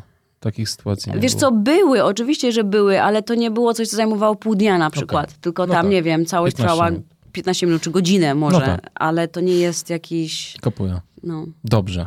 E, moja droga Kamilo, nawigacja. Kamilo. Opowiedz mi o nawigacji. Bo mówisz na często, północ. że, mm, że nas na północ, że na azymut.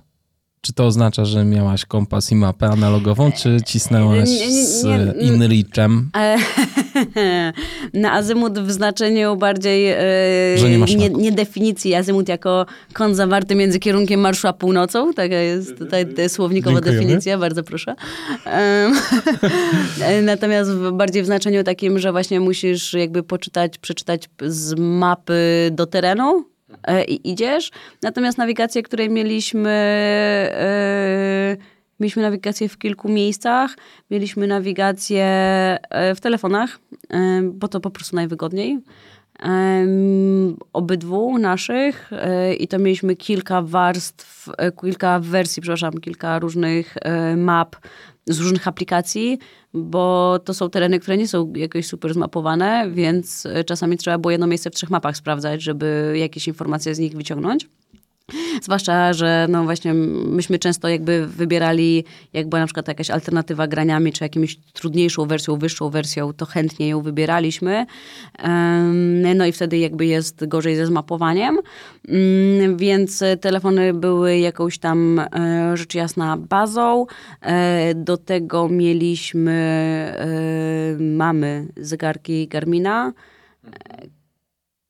które No i ja osobiście mm, kocham niezdrową miłością. E, Tomek zresztą też, żeby nie było. Do tego mieliśmy Garmina Inricha Mini dwójeczkę, co oznacza, że on nie miał map w takim znaczeniu, że widzisz na ekraniku, ale no jest to o, kluczowo ważne do tego, żeby wezwać pomoc w razie czego przez satelitę. I jeszcze mieliśmy przez wzywanie pomocy przez satelitę przez e, iPhone'a. iPhone ma taką funkcję, e, że łączy się z satelitą, zwłaszcza tam w Stanach. e, Dość łatwo, także tutaj byliśmy tak zabezpieczeni. Mm, A powiedz, e, papierowe mapy? Wiesz co, e, papierowych map, e, czy myśmy... Nie było. Myślę. Nie, bo, e, bo na przykład miałam na, na odcinkach niektórych PCT papierowe mapy, na całych jakby nie jestem w stanie mieć, znaczy... znaczy CDT. W, w, C- tak, ale właśnie nie, właśnie chodzi mi o to, że na PCT e, gdzieś tam e, miałam, ale ciężko w ogóle na którykolwiek taki szlak mieć. Da się. Nie mówię, że się nie da i w ogóle szanuję ludzi, No ale którzy... na 5000 kilometrów. Ale na, to, to masz naprawdę pół biblioteki, e, żeby mieć dobrą mapę, która jest jeszcze, wiesz, nie wiem, 25, najlepiej Tak. max 50, no to, to jest, wiesz. Tak. E, Natomiast są mapy, które są trochę ekwiwalentem map, e, są skanowane mapy, które masz w komórce, które są mapami papierowymi. E, I to też mieliśmy i one są genialne. No więc to jest taka, wiesz, rzecz pomiędzy. Dobrze. To fajnie, że te telefony, ale telefony się lubią wyczerpywać, więc co z energią elektryczną? Z kosmosu.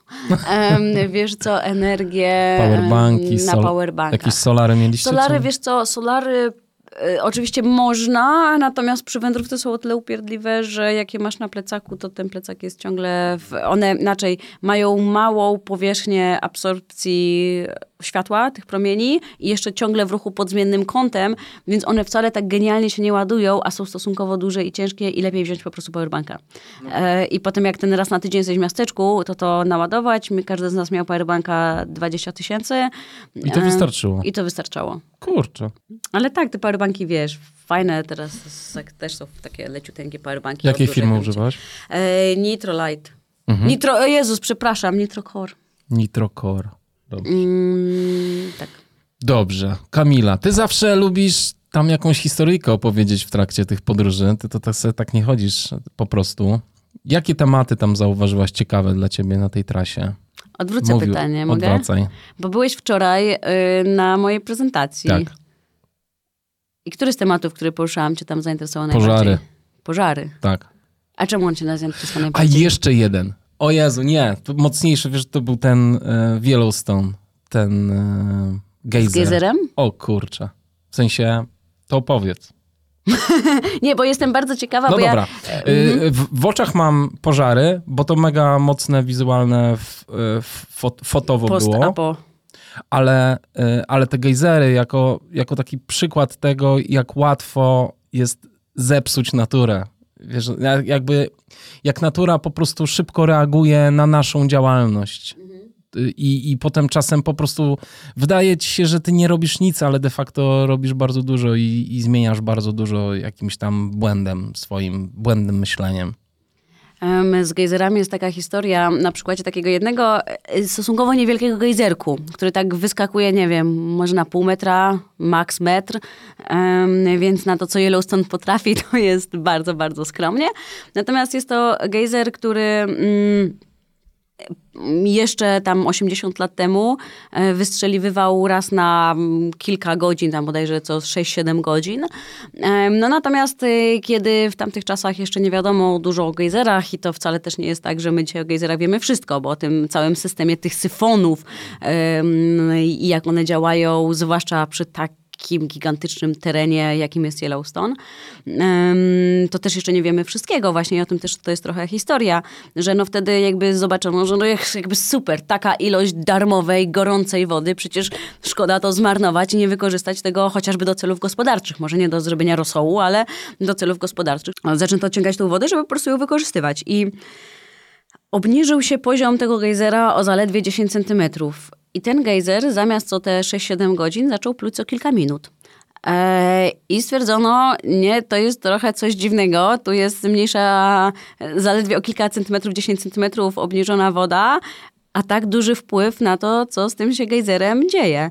No i zaprzestano w związku z tym wtedy poboru tej wody. Poziom wody wrócił o te 10 centymetrów do tego, co był, e, ale gejzer od tego czasu cały czas pluje co te 6 minut. E, I zmienił się w ogóle jakby system działania gejzerów, e, tego gejzeru na tym przykładzie. Natomiast obserwuje się obniżenie wód w całym Yellowstone, a jako, że cały Yellowstone to jest e, system gejzerowy, mm, czasem gigantyczny, czasem bardzo subtelny, ale te powiązane syfony ze sobą nie do końca tak naprawdę każdy potrafi przewidzieć, jak one w ostatecznym rozrachunku mm, zareagują i jaki to będzie miało wpływ dalej na szersze, szerszą okolicę. No właśnie, bo to jest jeden wielki żywy organizm połączonych Tak. korytarzy, więc my de facto nie wiemy nic, sobie tylko tak weźmiemy coś. Tak jak z tymi monetami. Kolejny Tak. wspaniały przykład. Też z Yellowstone. Tak. Bo e, te gejzery i te mm, nieprawdopodobne dziury, takie portale do piekła, mają fenomenalne kolory. Mają kolory w, e, jakby w jaskrawości koszulki Kamila dzisiaj, czyli takie naprawdę żarówa, ale żarówa żółty, żarówa niebieski, żarówa błękit, żarówa zielony, żarówa pomarańcz e, i wszystko naraz w jednym gejzerze. I to wygląda po prostu kosmicznie i za to odpowiadają bakterie, które żyją, które są w ogóle jednym z takich... organizmów bardzo interesujących naukowców, że potrafią żyć w takich warunkach. No i wytwarzają te kolorki, no ale ludzie, mimo że tam jest tych tabliczek 7 milionów, tak, e, opowiadając o tą historię, e, ludzie traktują te gejzery jak fontannę di Trevi w Rzymie.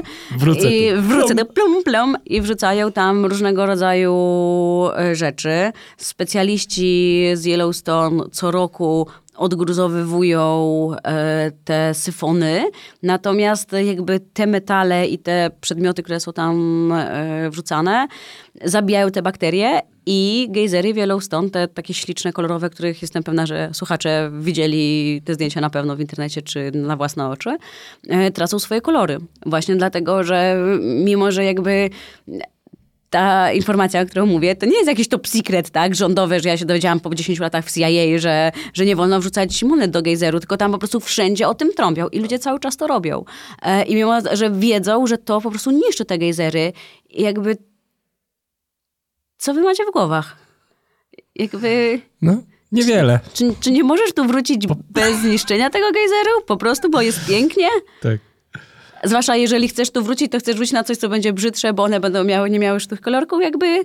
Ale a propos wrzucania rzeczy do wody, opowiem sytuację warszawską y, z jeziorkiem Morskie Oko na Mokotowie.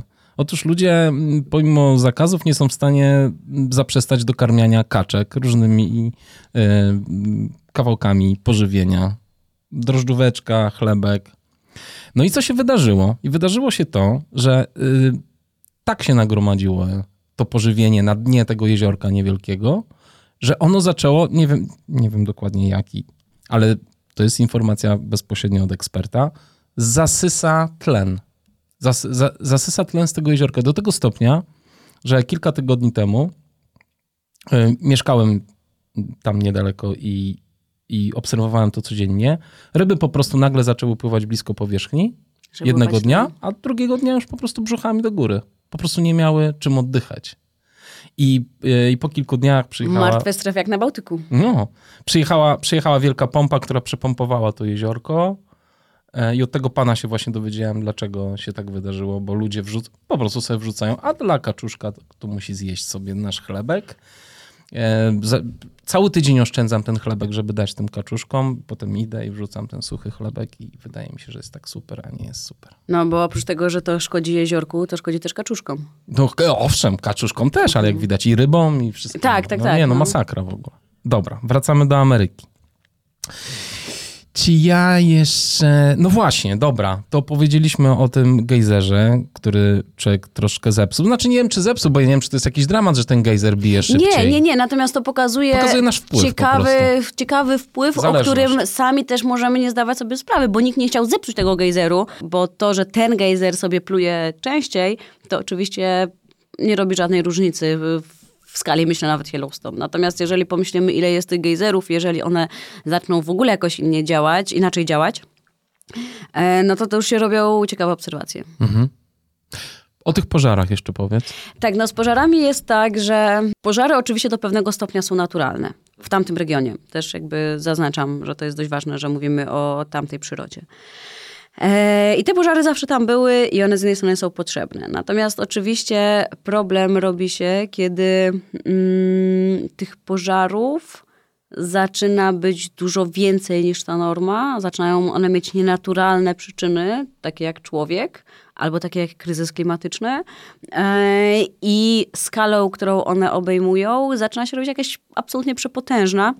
Nawet jakby jakieś drastyczne historie, nie wiem, z Kalifornii widzieliśmy wszyscy, no bo Kalifornia to jest też takie, takie, taka rzecz, która się świetnie generalnie sprzedaje, bo wszyscy wiemy, y, czym jest Kalifornia.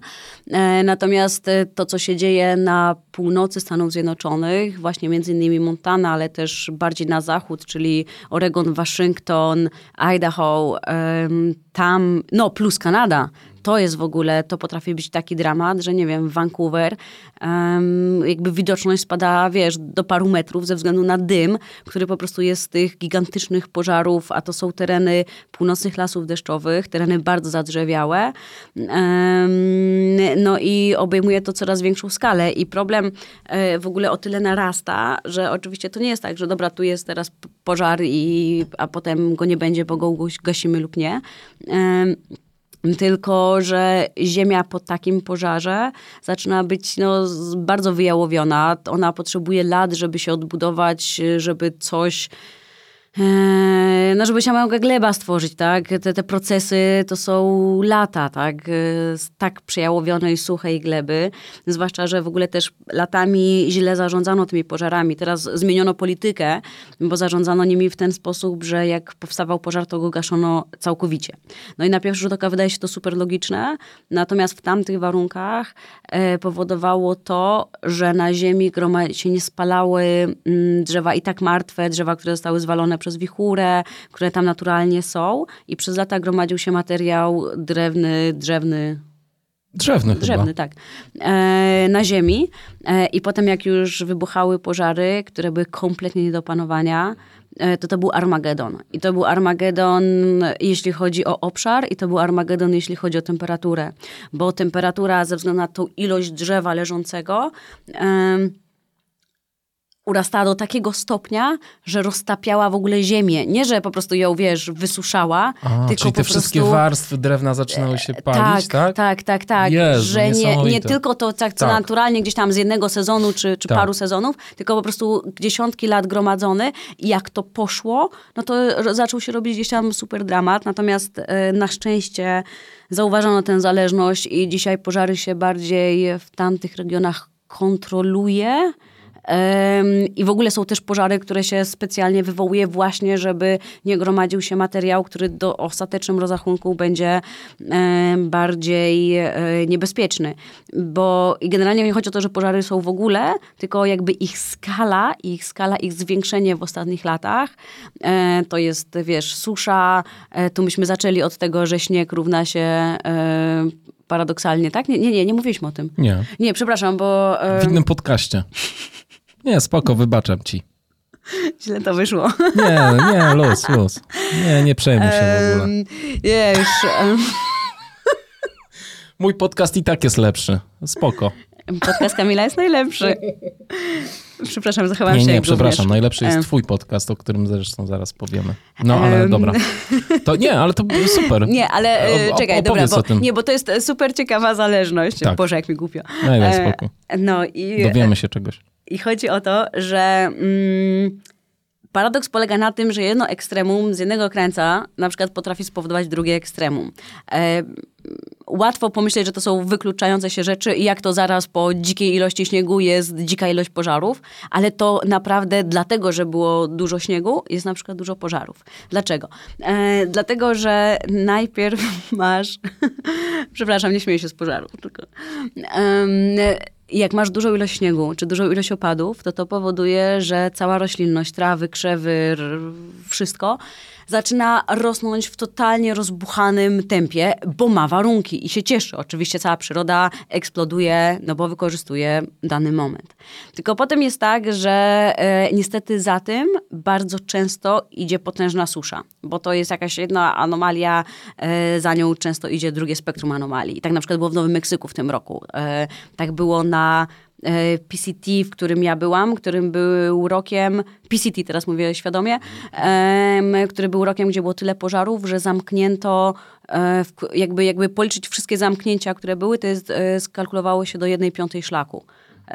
No z 4300 to jest ogromna ilość, wiesz, terenu pożarowego.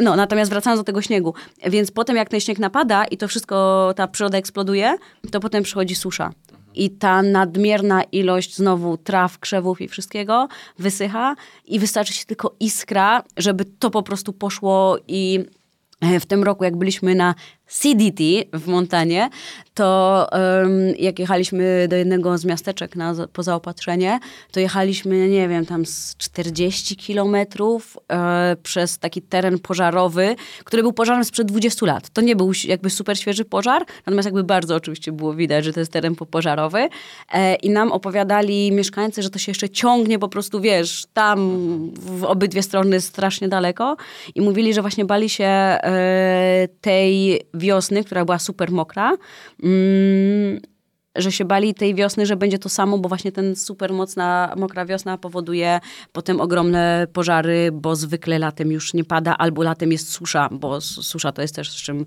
Stany się bardzo mierzą i to nie tylko południe Stanów, na przykład Montana przez lata e, była, e, no cierpiała na bardzo dużą suszę. W związku z tym jakby, mm, wiesz, jedno powoduje drugie, jedno ciąg jakby triggeruje drugie, urasta to do plus jakieś błędy w zarządzaniu przez lata, urasta do jakichś jakichś takich rozmiarów, e, wiesz, e, potężnych i mm, ja wiem, że jakby najwięcej tego przekazu, który mamy, to są te, ten ogień podchodzący pod domy.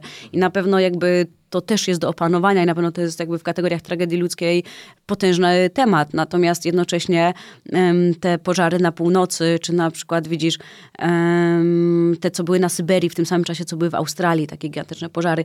Te, te, te, te pożary, które są w dziczy, są jakieś takie trochę no tak. um, mniej dla nas trafiają. Natomiast, no bo nie niosą dramatu, nie ma historii. Tak, natomiast jakby przyrodniczo to jest no, dramat no, na tą skalę i no i jak dotykasz to i jak idziesz potem przez taki teren, który naprawdę wygląda jak post-apokalipsa, ale taka z filmów, ale taka naprawdę po prostu z full Hollywood. I jeszcze yy, idziesz tak, wiesz, cały dzień w tym pyle po prostu yy, i to się cały czas, wiesz, unosi, paruje cały czas, jeszcze gdzieś tam dymi, gdzieś... Yy, w ogóle najlepsze jest to, że ja zupełnie przypadkiem czytałam w tym samym czasie książkę Droga McCarthy'ego, który jest generalnie też o spalonym postapokaliptycznym świecie i po prostu idę tu i po prostu mam takie gdzie są zombie. No, ale, no, ale nie, nie sposób, mhm. żeby to nie zrobiło, wiesz, mhm. wrażenia. wrażenia. Y, poruszył mnie jeszcze temat, jak dotarłaś do źródeł Rio Grande. Opowiedz o tym, bo to też możemy tu zrobić wielką woltę do początku naszej rozmowy, mm, bo ty powiedziałeś, że nie wyruszyłaś na jeden ze swoich projektów przez wypadek. To właśnie był projekt związany z Rio Grande. E, I, I z, twojej, e, z twojej wczorajszej wypowiedzi dowiedziałem się, czego nie wiedziałem, że Rio Grande właśnie wysycha i nie dociera do oceanu. I to jest po prostu troszkę przygnębiające. To jest strasznie przygnębiające. Mnie zawsze uderza ten kontrast między nazwą Rio Grande a tym, że na przykład w zeszłym roku um, na wysokości Albuquerque, znanego z filmu Breaking Bad, um, które jest w północnym Nowym Meksyku, już nie było wody.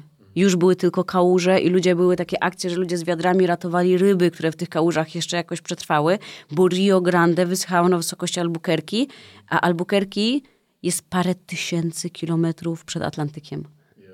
Ta woda jakby, wiesz, e, wysychała jakby nie, że gdzieś tam wsiąkała w piasek, na przykład, na przykład tak samo e, jedna z najsłynniejszych, chyba najsłynniejsza rzeka z Ameryki, czyli Colorado ze słynnym kanionem, też nie dopływa jeszcze bardziej nie dopływa, od 20 lat nie dopływa do, e, z kolei do Zatoki Meksykańskiej, nie do Zatoki Meksykańskiej, tam mm, pod Baja Kalifornia, tak?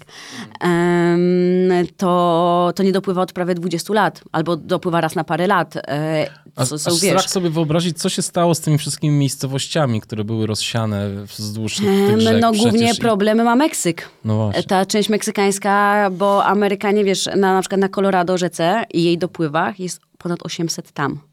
Więc ta rzeka jakby jak ma płynąć? jakby fizycznie, plus z niej jest woda przeeksploatowana na miasta. Przede wszystkim, wiesz, no to są miejscowości, o których mówisz, ale na, na przykład z, e, stamtąd jest brana woda dla takich... E, cudów techniki jak Las Vegas. Jak Las Vegas, e, oczywiście. Który jest jakby absurdem w swoim istnieniu ze względu na pustynię, na której się znajduje i na ilość zużycia wody, y, którą ma. Y, no, natomiast y, rzeczywiście ten, wracając do tego projektu, to był projekt, który miałam realizować w Teksasie głównie, na granicy, właśnie nad rzeką Rio Grande. I to jest projekt, którego się przemierzałam długo, ponad prawie dwa lata. I na przykład y, fragment y, tego projektu zakładał spłynięcie kajakiem albo kanu, niedużego fragmentu, takiego pięcio-siedmiodniowego y, po Rio Grande. I kontaktowałam się w lutym, czyli w sezonie, wiesz, mokrym, zimowym, który. Mm, no, kontaktowałam się z wypożyczalnią kajaków po prostu, e, żeby sobie zaklepać kajak na tydzień. I słuchaj, odpisał mi pan, i mnie to po prostu pierwszy raz wtedy zmroziło, a to było jeszcze rok wcześniej. Odpisał mi pan, że w lutym, że nie wypożyczy mi kajaka, bo stan wody jest tak płytki, że kajak o zanurzeniu 20 centymetrów nie przepłynie. Rio Grande. E, na wysokości Teksasu. Again, ile tam jeszcze jest do Atlantyku, tak? E, w związku z tym, no i to był projekt, który, który miałam realizować, który nie doszedł do skutku, przynajmniej na razie. Natomiast, wiesz, Rio Grande to jest taka rzeka, symbol o takim znaczeniu geopolitycznym, tak wykorzystywana do jakichś wojenek politycznych, e, to rzeka, w której umierają ludzie i w momencie, kiedy nagle mm, jesteś przy jej źródłach, jak jeszcze miałeś robić parę miesięcy wcześniej ten projekt e, o tych wszystkich historiach i dotykasz tych jej najwyżej położonych źródeł właśnie w tamtym miejscu i wiesz, gdzie ta woda płynie, na spotkanie czego płynie. Kamil, to jest tak mocne symbolicznie dla mnie, że po prostu... A to jest takim niewinnym strumykiem górskim po prostu. Mhm. Powiedz w ogóle, jakie emocje ci towarzyszyły na tym szlaku? Bo to mm. przecież jest pół roku wyrypy. Podejrzewam, że tam musiał być absolutny wachlarz emocjonalny na tym szlaku. Musiałaś przeżywać. Opowiedz trochę o tym. A ile mamy czasu? No poczekaj. Tylko po, jeszcze mam pół godziny. um, wiesz co? Um, jakby spektrum. To jest, w ogóle wiesz, my nagrywamy tą rozmowę półtora miesiąca po moim powrocie. I ja cały czas w głowie, właśnie też ze względu na wachlarz emocji, tego nie ogarnęłam. I to nie chodzi o to, że o, nie ogarnęłam, bo 5000 kilometrów. To jest tło, jakby to jest tło do tego, do tych wszystkich między innymi emocji. I wiesz co, mm, absolutne szczęście, absolutny zachwyt taki, że po prostu nie wiesz, co z nim zrobić. Że nie wiesz, jak ogarnąć te pocztówki, w których żyjesz i te po prostu ta góra za górą, gdzie każda z nich osobno jest, wiesz co, jest tematem, a ty masz ich, nie wiem, 20 dziennie. I e, przez pół roku, codziennie. Jakby musisz się pilnować, żeby nie traktować tego jako a normę, że tu jest najładniej na świecie. No kurde, no nie. E, jesteś zachwycony, jesteś zwruszony, jakby chcesz, wiesz, wszystkiego dotykać, cieszyć się, jesteś przeszczęśliwy, bo to jest rzecz, którą robisz, którą kochasz, no nieprawdopodobnie i która sprawia, nie, nie będę płakać, e, że jesteś bardzo spełniony. Um, natomiast um, jednocześnie masz um, takie emocje, wiesz co, mm, nie wiem, trochę wdzięczności, znaczy dużo wdzięczności do tego na przykład, że do siebie i do mojego fizjoterapeuty, że e, się udało doprowadzić do tego. Masz e, dużo, nie wiem, ciepłych, dobrych uczuć do swojego partnera, z którym się świetnie dogadujecie i jest po prostu też dużą wartością to, że jesteście tutaj razem i ten super quality time, jak to się modnie mówi, e, spędzacie razem. ale masz też rzeczy, które cię tak szarpią, wiesz prostu ma rzeczy, które cię wkurzają, żeby lekko powiedzieć, tak? jak, nie wiem, schodzisz do jakiegoś, wiesz, w montanie do jakiegoś z jednej strony miłego miasteczka, ale z drugiej strony wszędzie widzisz rasistowskie, ksenofobiczne, homofobiczne hasła otwarte. E, w hotelu kelner ci podaje jedzenie i ci rzuca jakimś rasistowskim głównym, za przeproszeniem. To możemy sobie zrobić żart o czarnych jakby, stary, ale nas to nie bawi, tak? W sensie jakby, dlaczego ma nas to w ogóle, dlaczego yy, i ha, ha, ha, ha, coś tam jakby...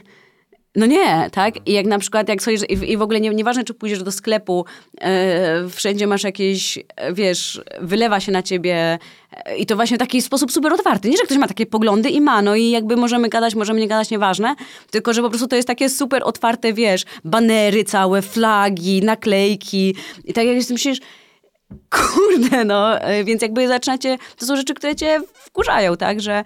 No ale to są Stany, nie? To są, tak, tak, tak, no Stany to jest, to jest super jakby...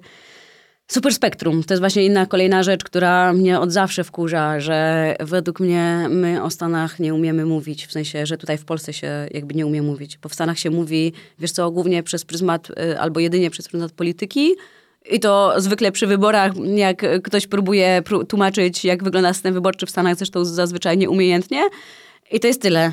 Albo ewentualnie co w Nowym Jorku, co w Hollywood, e ewentualnie co Arnold Schwarzenegger. A jakby, no super, e, ale w Ameryce jest tyle pomiędzy ale tak strasznie tyle pomiędzy, jakby z każdej strony. No więc na przykład myśmy mieli, jak wchodziliśmy do Colorado, które jest zupełnie innym stanem, to mieliśmy taki oddech, wiesz co, mentalny że jakby e, i naprawdę, i potem wchodzimy do hostelu um, i wiemy, że nie usłyszymy, wiesz, jakiegoś głupiego tekstu albo jakiejś głupiej, ohydnej naklejki, tak, nie zobaczymy, tak? To jest, wiesz, mała rzecz, ale jak widzisz to non-stop przez parę, przepraszam, parę miesięcy, to masz trochę tego jakby dziwnie się, źle się w tym funkcjonuje, tak? Ale to też jak pytasz o emocje, bo to od tego wyszłam. Są rzeczy, które mnie skrajnie smucą, jak na przykład historia z Rio Grande właśnie, tak? Czy są rzeczy, których nie rozumiem, tak? Jak historia, którą też, e, która się wiąże z wodą, znowu o wodzie i o tym, że e, były przypadki dwa w tym roku, że strzelano do hikerów e, na pustyni za to, że podeszli po wodę do krów, e, bo było to 20 metrów od od drogi, a następna woda jest za 30 kilometrów, no i to jest przekroczenie dla mnie pewnej linii, która nigdy nie powinna być przekroczona, tak? Strzelanie do ludzi na pustyni, bo podeszli pod wodę do krów, żeby się napić. Ale um, o co chodziło tym strzelającym? O to, że weszli na prywatny teren? Tak. Aha, bardzo miło. Tak. Mhm. E, jakby ja rozumiem gdzieś tam prywatny teren, ja rozumiem nawet, że ktoś sobie może nie życzyć, ale wiesz, ta no, symbolika absurd. bycia na pustyni i to, że mhm. ktoś do siebie strzela, że podchodzisz, na, żeby się napić zagnojonej wody dla krów. No Kamil, nie, no nie. nie. To nie. No właśnie. Nie, to jest dramat. To jakby, Jakby i ja... Z jednej strony masz tych aniołów trailu, tak? Tak, A z tak. drugiej strony masz takich pacanów, nie? I No i o co jakby- chodzi w ogóle? I jak to w ogóle połączyć? I to jest taka rzecz, której, mm, no to jest taka trochę emocja, że jakby niby wiesz, z czego to wynika teoretycznie, ale jakby nie jesteś w stanie tego przeprocesować w własnej Jeszcze głowie. najgorsze, że, że oni mają prawo na- do tego. A jeszcze mają prawo, tak. To jest, wiesz, dramat, tak. nie? Wiesz, ile ludzi ginie rocznie od broni w Stanach Zjednoczonych? Nie wiem, na pewno absurdalna ilość. 43 tysiące. 117 osób dziennie e, ginie od broni. Ja ostatnio widziałem obłę- obłędne, po prostu ktoś mi podesłał na, na Twitterze, wiesz, sytuację z, e, z jakiejś autostrady, gdzie samochody były powstrzymane przez aktywistów ekologicznych. Gdzie?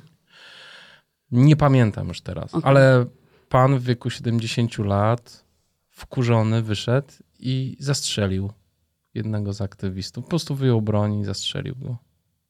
Koniec tematu. Najlepsze jest to, że wysłałem to do mojego kolegi, który mieszka w Stanach. W ogóle go to nie I- i zdziwiło. o co chodzi? Jakby stary. Jakby tam to jest norm. No to jest, to jest po prostu obrzydliwe w tym kraju. Nie? To jest absolutnie coś, czego nie, nie, nie kumam.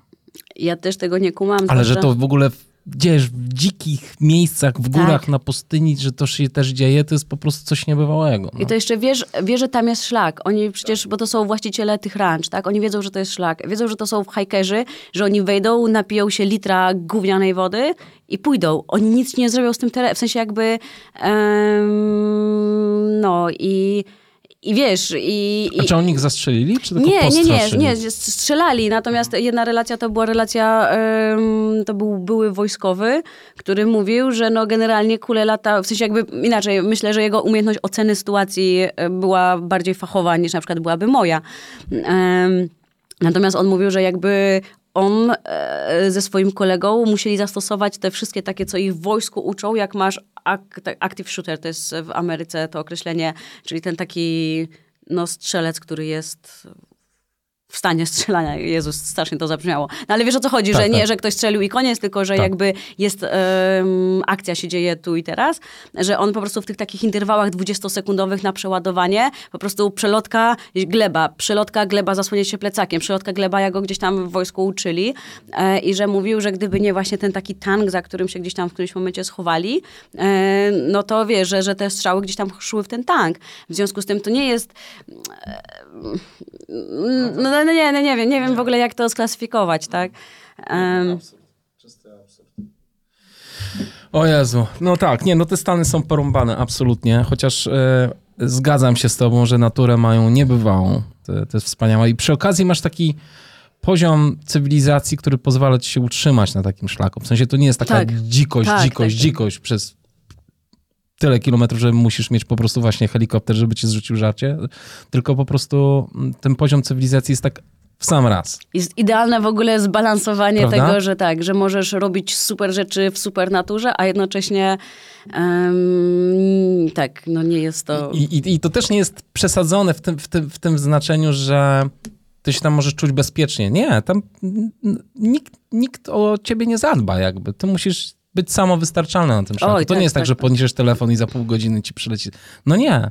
Po prostu idziesz na własną odpowiedzialność, ale z drugiej strony już jak przejdziesz te kilka dni po górach, no to znajdziesz jakiś sklepik i, i zjesz i kupisz na, na, dalszy, na dalszy odcinek. No, jest to, jest to rzeczywiście wspaniałe i, po, i pociągające w tym kraju, ale ym, ilość absurdów, z jaką się tam spotykasz, jest, potężna. jest, jest absurdalna. Dobrze. E, opowiedzmy jeszcze chwilę o Tomku, bo czasami chodzisz sama na swoje wyprawy, a czasami chodzisz z kimś. On chyba nie lubi za bardzo mediów, tak? Chowa się. Wiesz co, mm, to nie jest kwestia lubienia, tylko to nie jest em, pewnie jego styl bardziej. To nie jest jakaś kwestia, wiesz co, nie wiem, nienawiści czy coś, tylko... Nie, no tak, tak. Tomek jest ilustratorem, e, genialnym ilustratorem, ma niebywały talent. e, I jakby bardziej jego światem jest po prostu gdzieś tam rysowanie, natomiast jakby w 100% wspiera to, co ja robię. Nie ma problemu z tym, że ja występuję, nie ma problemu z tym, że ja występuję mówiąc też ze swojej perspektywy, no bo to, że byliśmy razem i to była oczywiście dla nas duża wartość, e, to jednocześnie... Mm, każdy z nas ma indywidualne przeżycia, indywidualne emocje, indywidualne spojrzenie i jakby oboje to, wiesz co, jakoś tak e, dajemy sobie na to przestrzeń. Natomiast ja oczywiście Tomkowi e, nie wiem, proponowałam, że może na przykład będziemy robić pokazy razem, czy coś. No, nie, nie chciał. No i to nie chodzi o to, żeby ani go zmuszać, ani go stąd rugować, więc to, więc to nie jest jakby... Mm, a jednocześnie to jest też, wiesz, też... E, Myślę, że miał kupę zabawy tam z tobą. Mam nadzieję. ja z nim też, no. Wiesz, mamy rzeczywiście, my się nie możemy skończyć nagadywać, jakby my non-stop gadamy ze sobą. I to jest oczywiście przy tak dużym szlaku dość ważne, bo, bo jesteś non-stop razem, więc, więc to, że my przez pięć miesięcy nic nie robiliśmy, nie gadaliśmy, nie, że tam godzinę dziennie, a tak to każdy ze słuchawkami na uszach, tylko gadaliśmy po prostu prawie że non-stop. E, I myślę, że to jest e, trochę wyznacznik tego, że po prostu bardzo dobrze nam się przebywa w swoim towarzystwie, bardzo się lubimy. A jak ty inaczej odczuwasz takie wędrówki z kimś i samemu? Bo rozumiem, że to jest zupełnie może nie zupełnie, ale jest to inna bajka. Jest, wiesz co, e, na innych rzeczach się skupiam, tak? E, na przykład jak jestem sama. I to nie chodzi o to, że sobie na przykład sama robię zdjęcia, bo muszę mieć czasem jakieś z siebie na zdjęciu e, i że ustawiam, wiesz, aparat na statywie, bo to jest jakby ostateczny produkt tego, że nie wiem, na przykład myślę, jak siebie widzę w tej przestrzeni.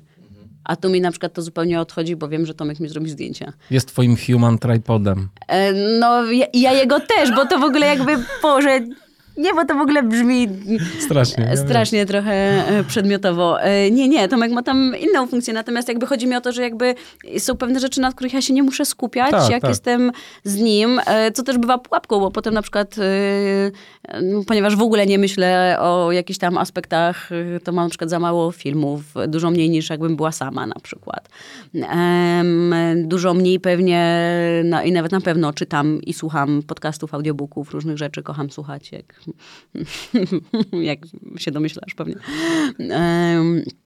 Wszystkie rzeczy w sposób naturalny konsultujesz, to jest jak może dziwne słowo, ale na zasadzie, na zasadzie hej, rozbijam się tu czy za kilometr, to jakby naturalne, że o tym gadasz, bo to jest, wiesz, nawet jak to nie ma znaczenia, gdzie się rozbijecie, e, a jak jesteś sam, to jakby w ogóle myślisz innymi ścieżkami.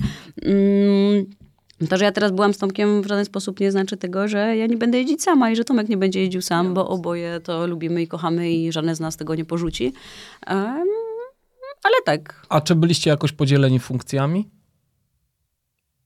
Tak, Tomek robił rano kawę. nie, funkcjami, wiesz co? Czy byliście totalnie niezależni, że mogliście wiesz właściwie co? się rozdzielić? I... Mogliśmy, w mhm. sensie takim, że to też było zaplanowane, bo nigdy nie wiesz, co się wydarzy i, e, i to nie chodzi nawet między nami, tak? Tylko bardziej w kategoriach tego, że nie wiem, um, ktoś będzie musiał zejść w jedną stronę, ktoś w drugą um, albo whatever, się zgubi. No namiot mieliśmy jeden, natomiast na przykład mieliśmy, e, co niektórych szokuje, mieliśmy dwa osobne, kompletnie niezależne systemy gotowania. Um, no widzisz, bo y, to jest tylko pozornie Bardziej fajne. w drugą stronę, no właśnie, bo to, się, bo to się tak wydaje, że nie wiem, fajnie z, z jednej michy, y, nie wiem, zrobić makaron i go zjeść. No niby tak, ale na krótkich wyjazdach spoko, ale jak przez pięć miesięcy, a jakby smaki masz po prostu jak kobieta w ciąży. E, masz inne i masz jakieś takie, wiesz, ponieważ masz to wieczne ssanie, strasznie na przykład masz ochotę na coś, a druga osoba ma strasznie ochotę na coś i co, będziesz czekała teraz, będziesz, aż on tak. sobie zrobił, albo on? A to po pierwsze, albo będziesz jadł coś innego. E, a wiesz, a to się tak wydaje śmieszne, natomiast poczekać 10 czy 15 minut, jak ktoś sobie zrobi, żeby zwolnił kuchenkę. Wiesz, jak jesteś taki naprawdę głodny, ściorany i przechodzisz w namiocie i chcesz generalnie tylko spać i żeby nikt ci nie przeszkadzał. Masz stopy okopowe. I masz, no, zapamiętałeś. E, to, to naprawdę to, to czekanie e, jakby na tak długim szlaku byłoby dużo bardziej męczące. Jemy inne rzeczy, jemy, ja jem dużo więcej ciepłego, w sensie gotowanego jedzenia, bo po pierwsze lubię, po drugie podnosi moją morale, a po trzecie mój organizm bardzo źle toleruje zimne jedzenie, nie ciepłe. W związku z tym ja na przykład potrzebuję więcej gotowania, e, więc mam też inną kuchenkę, która e, wiesz, na przykład jest mniej wrażliwa na, na, na warunki pogodowe, bo to w każdych warunkach muszę sobie mieć ciepłe jedzenie, a Tomek jada więcej zimnego i w ogóle wiesz. Um, więc mówiąc szczerze, mieliśmy, wiesz co, rok wcześniej byliśmy, e, szliśmy przez góry Rumunii, mm, przez Fugarasze. I tak jak się zorientowała, i na początku wiesz, niby wszystko działa, wszystko jest spoko, dobra, ja poczekam, ty sobie zrób tam zupkę chińską czy whatever. Ale tak w którymś momencie, tak już kończymy ten szlak i tak, nie, słuchaj, to jest bez sensu. A wtedy już wiedzieliśmy, że idziemy na CDT, więc jakby tak. zastanawialiśmy się, który z dwuosobowych ganków, najlepsza ergonomia, coś tam tak.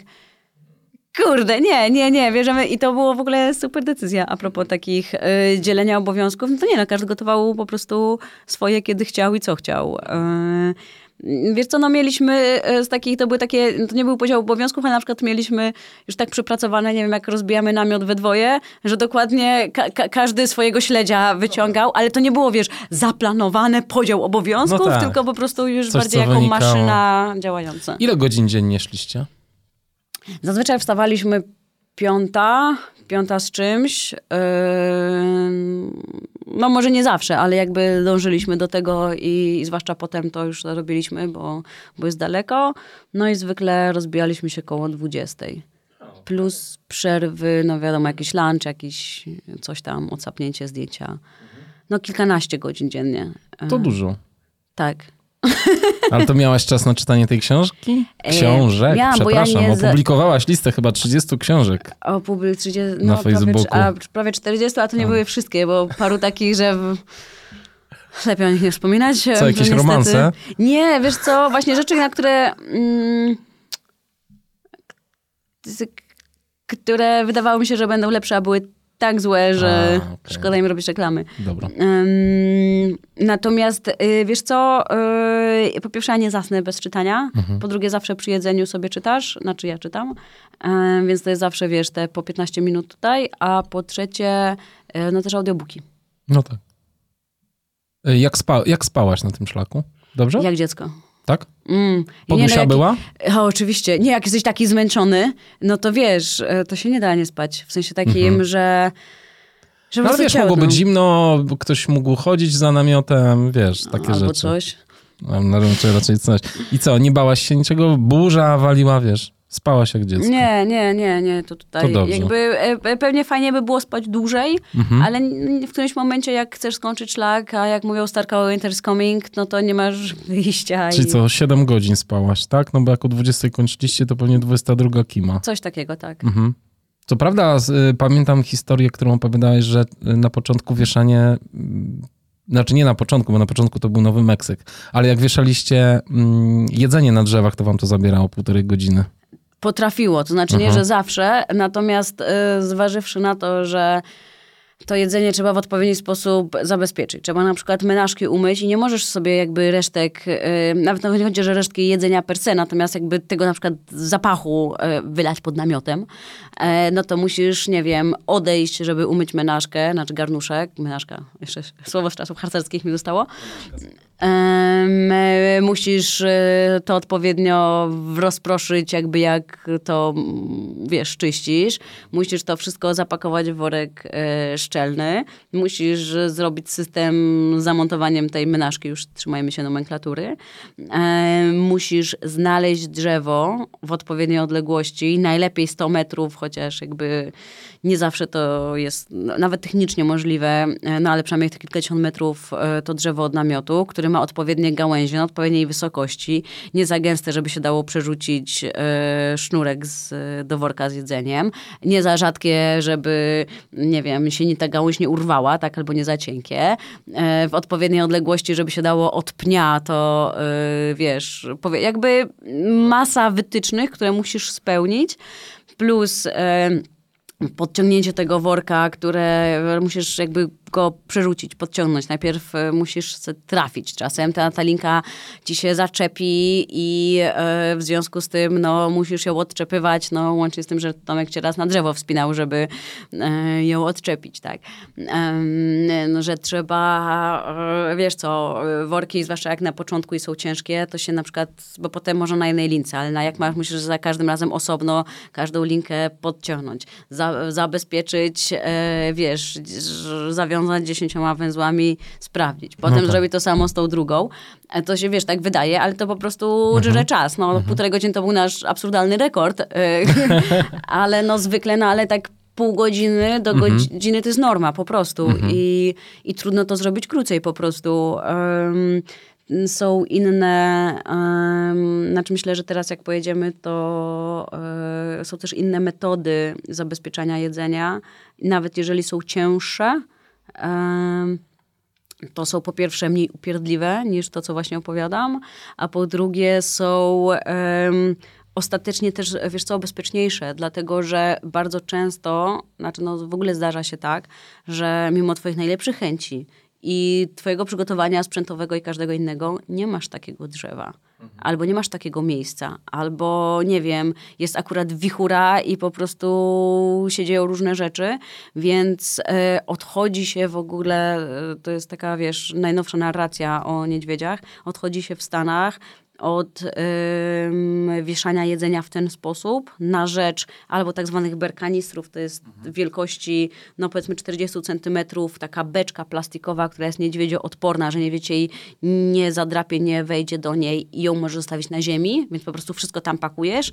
Minus jest taki, że to jest y, ciężkie, waży to powyżej kilograma, e, przynajmniej takie klasyczna, e, no i jest, e, jest twarde. Obszerne, tak. Jest obszerne. Więc Jak jest... to nosić razem z plecakiem? Dokładnie tak. No, są mm. takie plecaki, te amerykańskie plecaki, wszystkie mają ten system do mhm. zaczepiania, zaczepiania tego berkanistra na zewnątrz.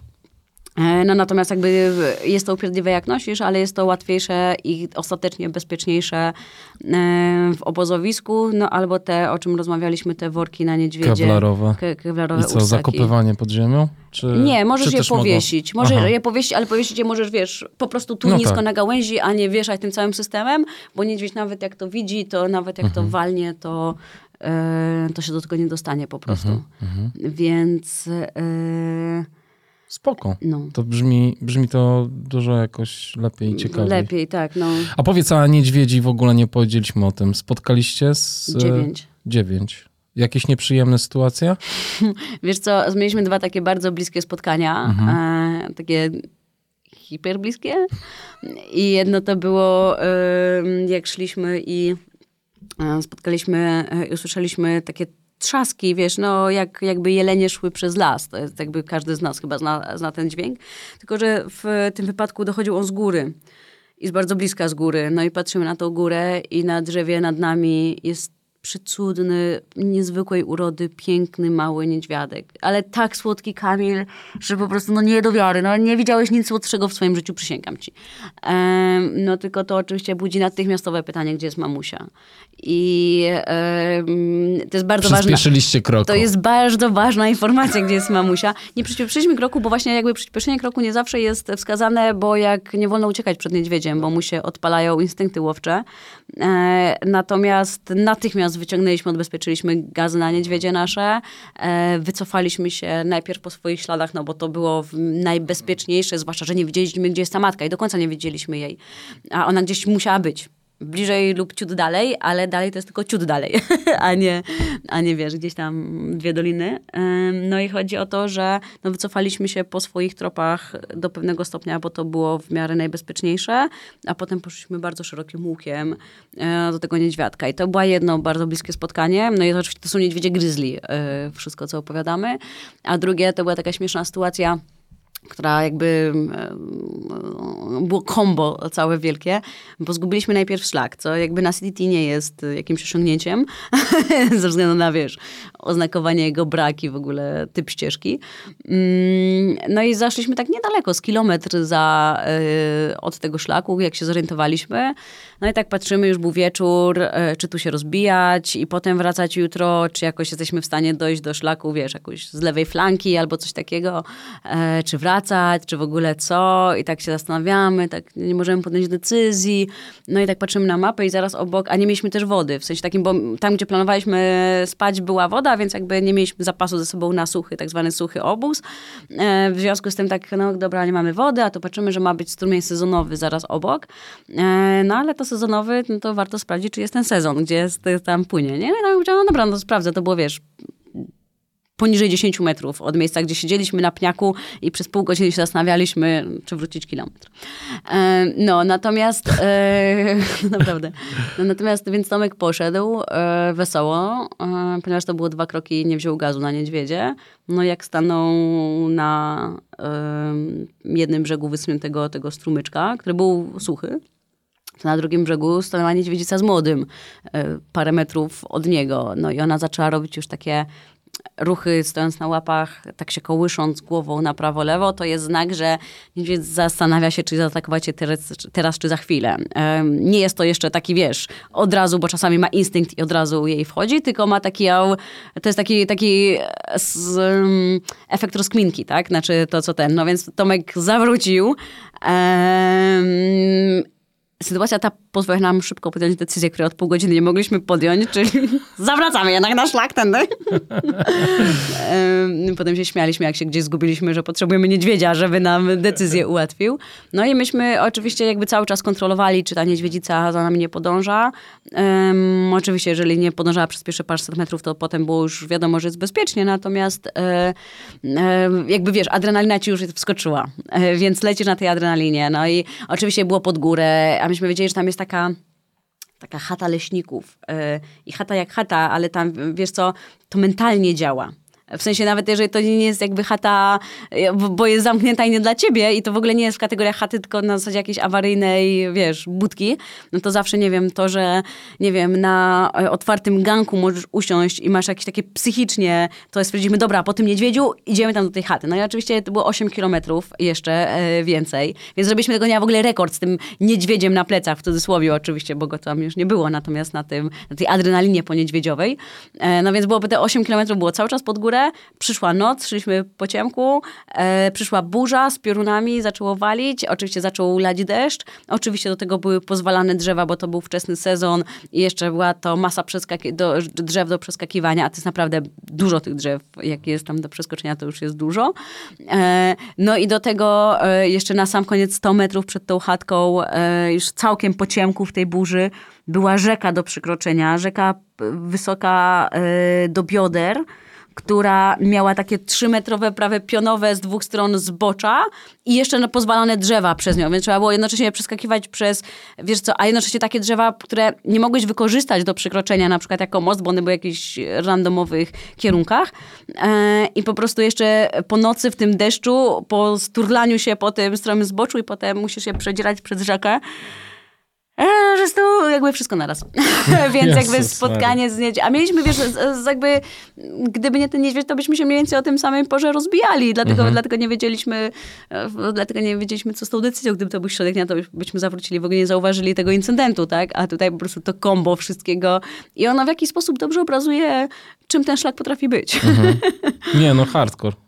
Yy, hardcore, ale tak jak mówiłaś, pomimo wszystko szczęście.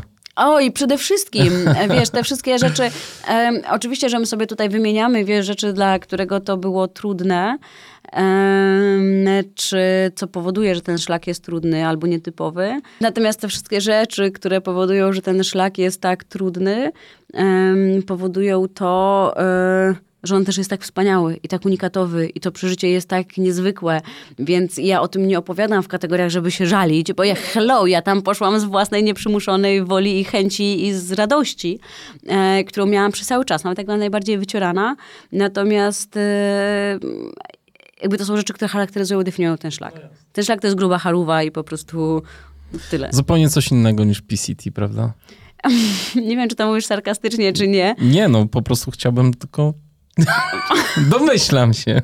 Wiesz co? Czy PCT jest co, spacerkiem? Nie, no nie, no to dalej jest do przejścia, wiesz, 4300 kilometrów no tak, przez góry. Ale jednak nie masz mm. tych dzikich, e, co prawda przedzierałaś się przez strumienie na PCT. Strumienie są gorsze na PCT i na e, PCT widziałam więcej grzechotników niż tutaj. E, natomiast generalnie tak, CDT jest znacząco trudniejsze.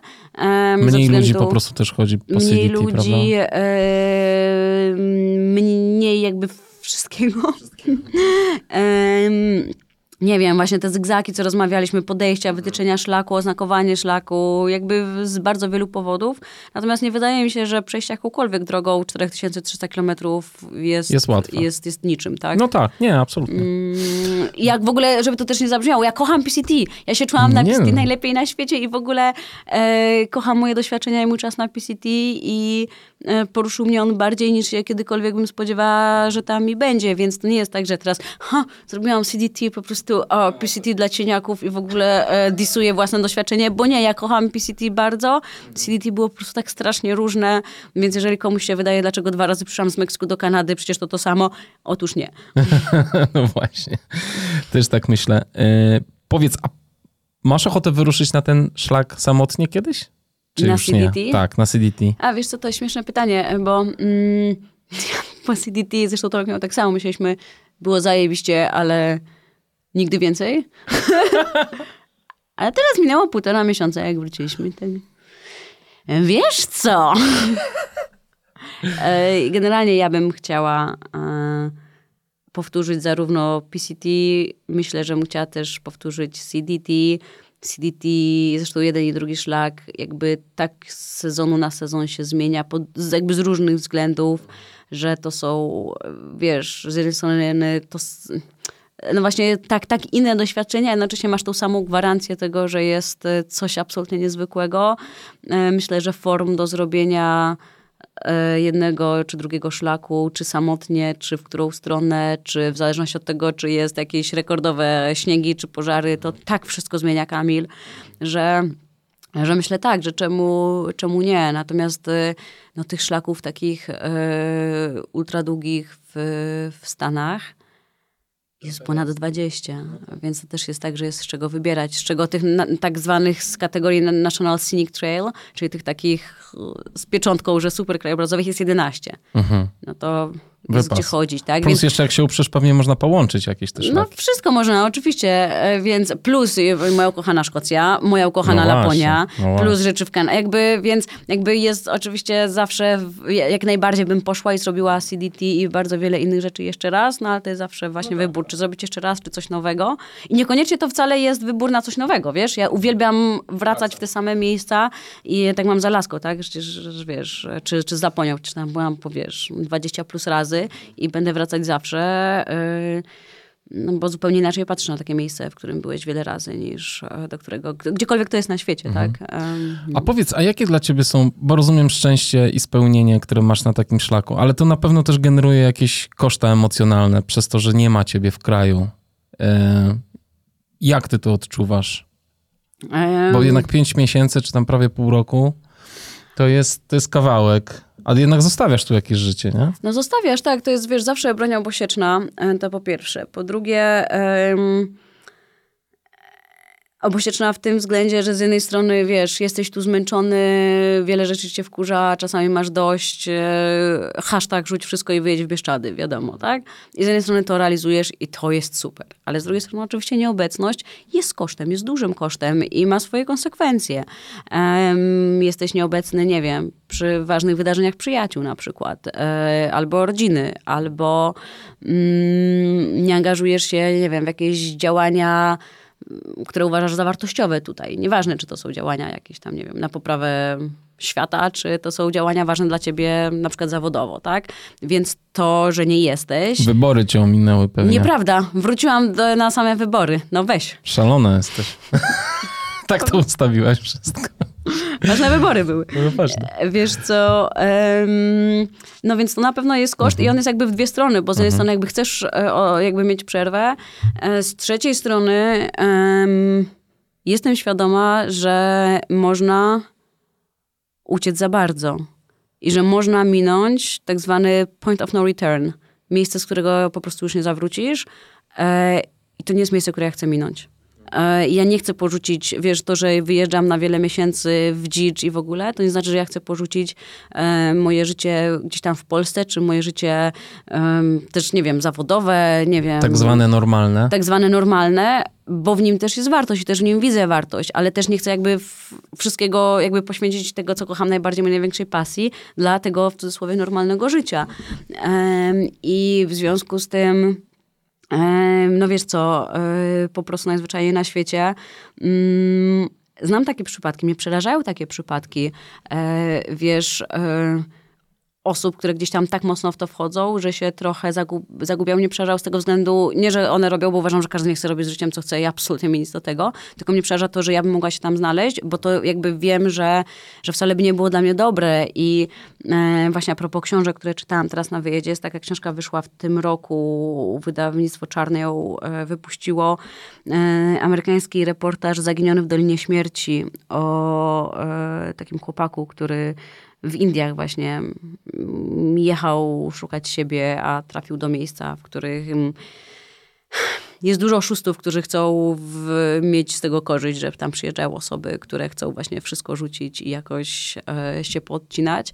I takie historie to są historie, które mm, są szalenie tragiczne dla mnie, tak? I ja bym jakby nie chciała się znaleźć w tym miejscu, więc jakby jednocześnie musisz być i musisz nie być. E, no i taką rzeczą też, jak pytasz o koszty emocjonalne, e, na przykład, wiesz co, mm, no teraz no, prywatą mocną, e, czy jakąś takimi...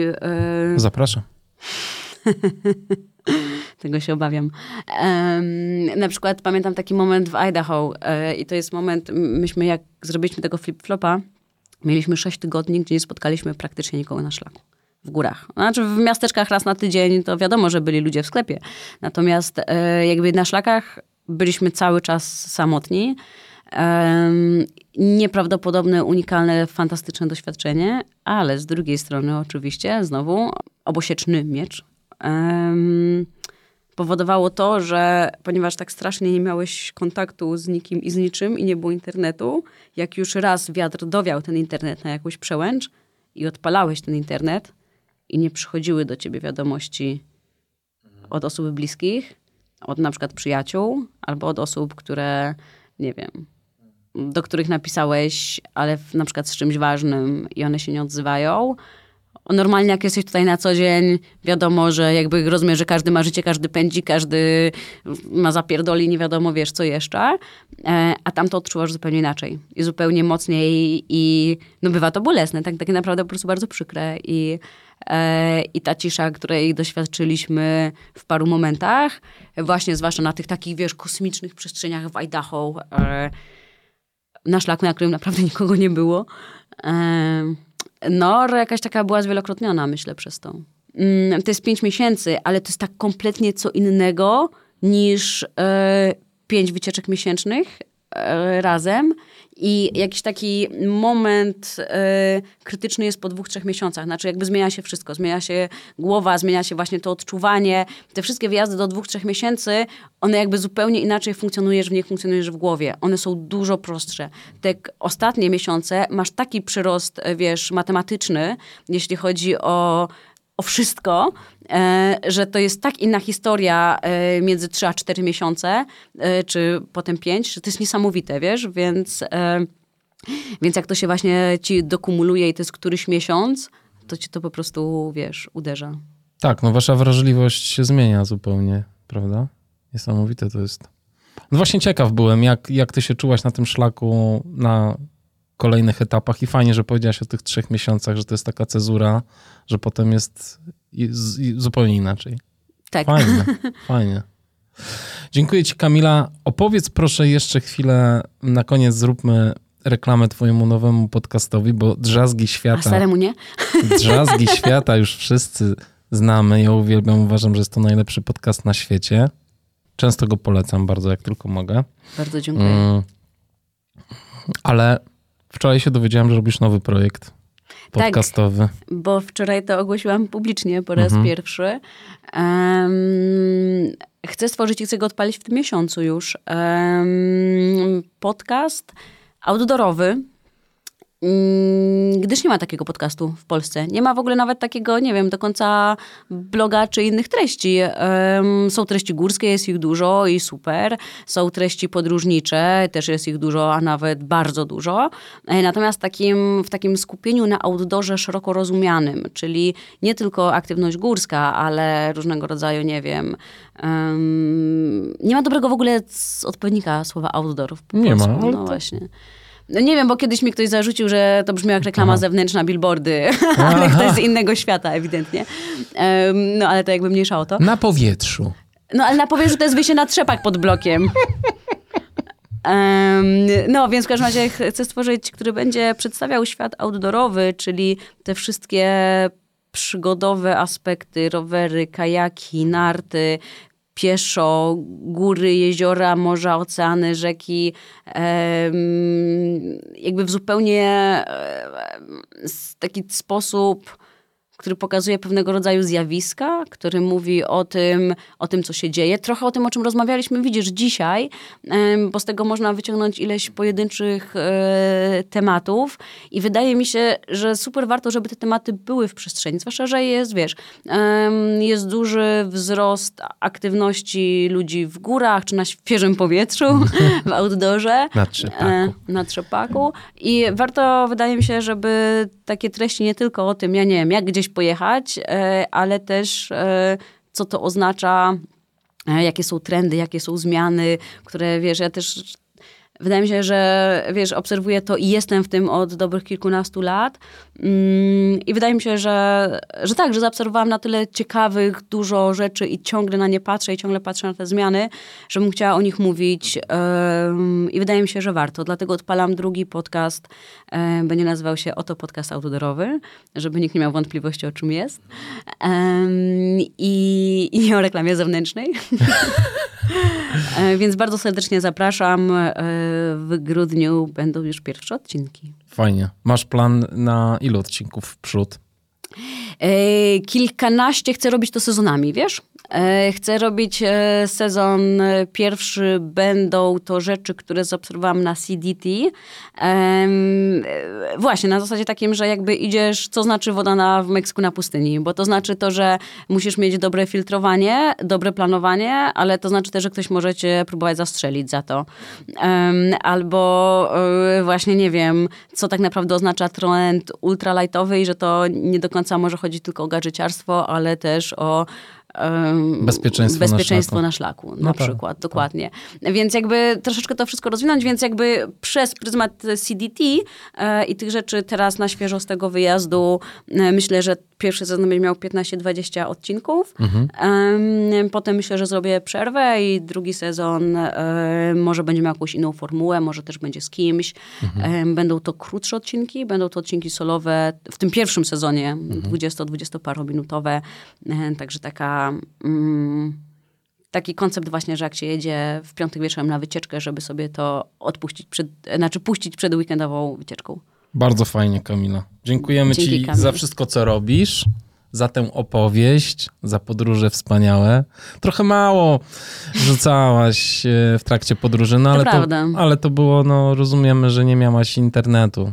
Wiesz co, tak, rzeczywiście nie miałam internetu, ale też nie miałam sił. No tak. Tak jakby szczerze, jak naprawdę mhm. jak przychodzisz taki z, kompletnie ściorany nawet już do tego miasteczka i nawet w jakimś hostelu masz internet, to tylko patrzysz, czy nie ma jakiegoś pożaru w rodzinie i to jest w zasadzie wszystko, co robisz w tym internecie. Natomiast mam e, teraz, jak wróciłam i teraz w grudniu zaczynam się taki właśnie spokojniejszy sezon, bardzo chcę wynagrodzić osobom, które mnie obserwują właśnie ze względu na szlak i które chcą się o tym szlaku e, czegoś dowiedzieć, bo wiem, że mało rzeczywiście relacjonowałam e, i wrzucać dużo więcej rzeczy ze szlaku, wrzucać rzeczy tematyczne, wrzucać galerię zdjęć, wrzucać ten podcast outdoorowy, więc więc jakby tak chcę nadrobić ten czas na szlaku, kiedy po prostu byłam zbyt ściorana, żeby kliknąć. No, ale wiesz, też fajnie, że się odcięłaś od tego. To były prawdziwe wakacje. Nazwałaś to wakacjami. No bo były, no jakby wiesz, oczywiście, że tak. Super. Chociaż tak naprawdę to jest twój styl życia cały, nie? Całe życie masz wakacje, kobieta. Fajnie. Ja bym pewnie zaprotestowała, ale... Ale niech ci będzie. Fajnie, że udało ci się twoje życie doprowadzić do takiej, do takiej fazy, że możesz jednocześnie się bawić i coś jeszcze z tego mieć i wsadzić trochę ryżu do garnka. Super. Wiesz co, zadowolona jestem z tego. No kurczę. Ale to rzeczywiście było, był ciąg przez lata i ciągle jest świadomych decyzji. Mhm. Czasem trudnych, czasem nieopłacalnych, a propos ryżu w garnku, ale jakby, jakby bardzo jestem zadowolona, że, że doprowadziłam to rzeczywiście do takiego momentu. Dzięki Kamila, fajnie, że jesteś. Dziękujemy ci. No bardzo. dzięki Kamil, że ty jesteś. No daj spokój. A rozmowy ja z tobą to jest, wiesz. To przyjadę do Krakowa na piwo. Przyjdź. Dzięki. Dzięki. Pa.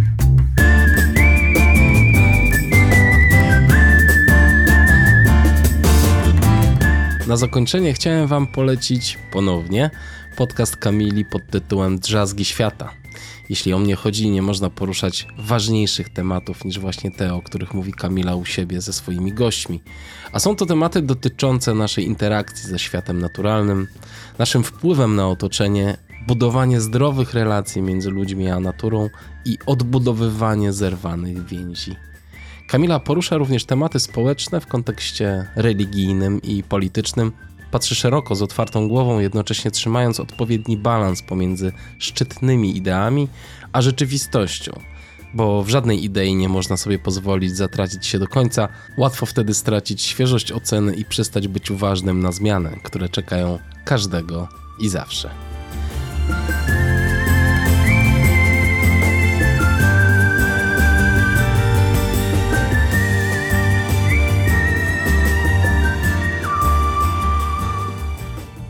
A mówiąc o zmianach, ciekawy jestem, jak się dzisiaj czujesz. Namawiam cię do połączenia głowy z ciałem i zwrócenia uwagi na to, jak czuje się Twoje ciało. Jeśli masz ochotę na krótki relaks pięciominutowy, zapraszam serdecznie. Usiądź w dowolnej pozycji, wyprostuj plecy i weź trzy głębokie oddechy.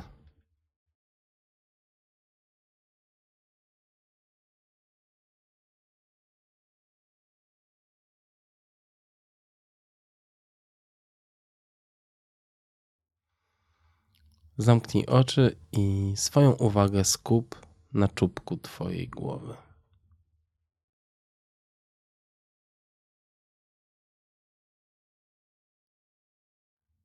Przesuwaj swoją uwagę niżej, na czoło, uszy, brodę i kark. Wszystko rób bardzo uważnie i powoli.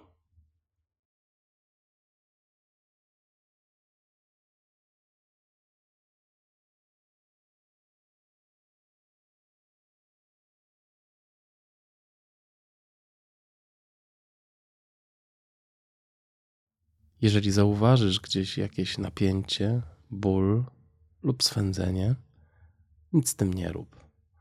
Zauważ ten fakt i wróć do skanowania swojego ciała.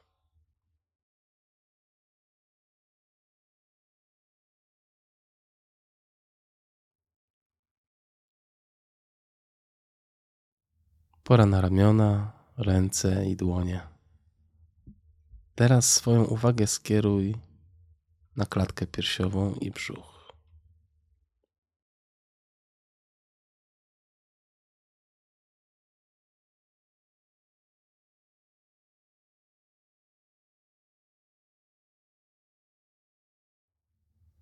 Zobacz, jak się czują pośladki i uda.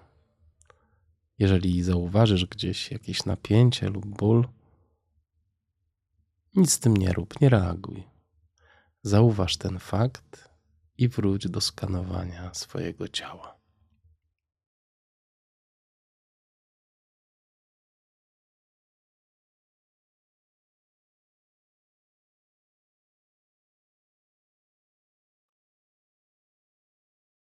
Zjedź swoją uwagą jeszcze dalej na kolana, łydki i stopy.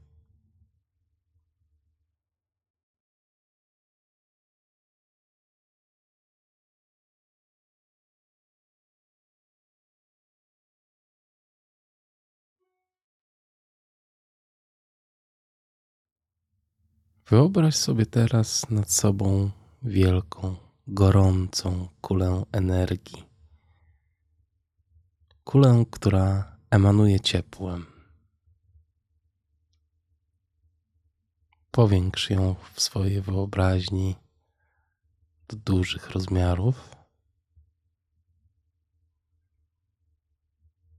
Możesz tę kulę przesunąć w dowolnym kierunku, tak aby ciepło od tej kuli trafiało w miejsce, które chcesz, żeby było ogrzane.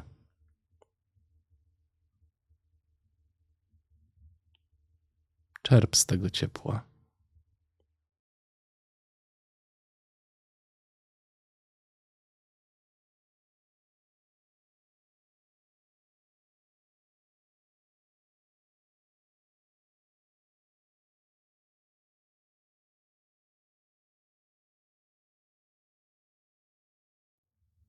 Teraz kula powoli zaczyna się zmniejszać, a ty wracasz świadomością do rzeczywistości.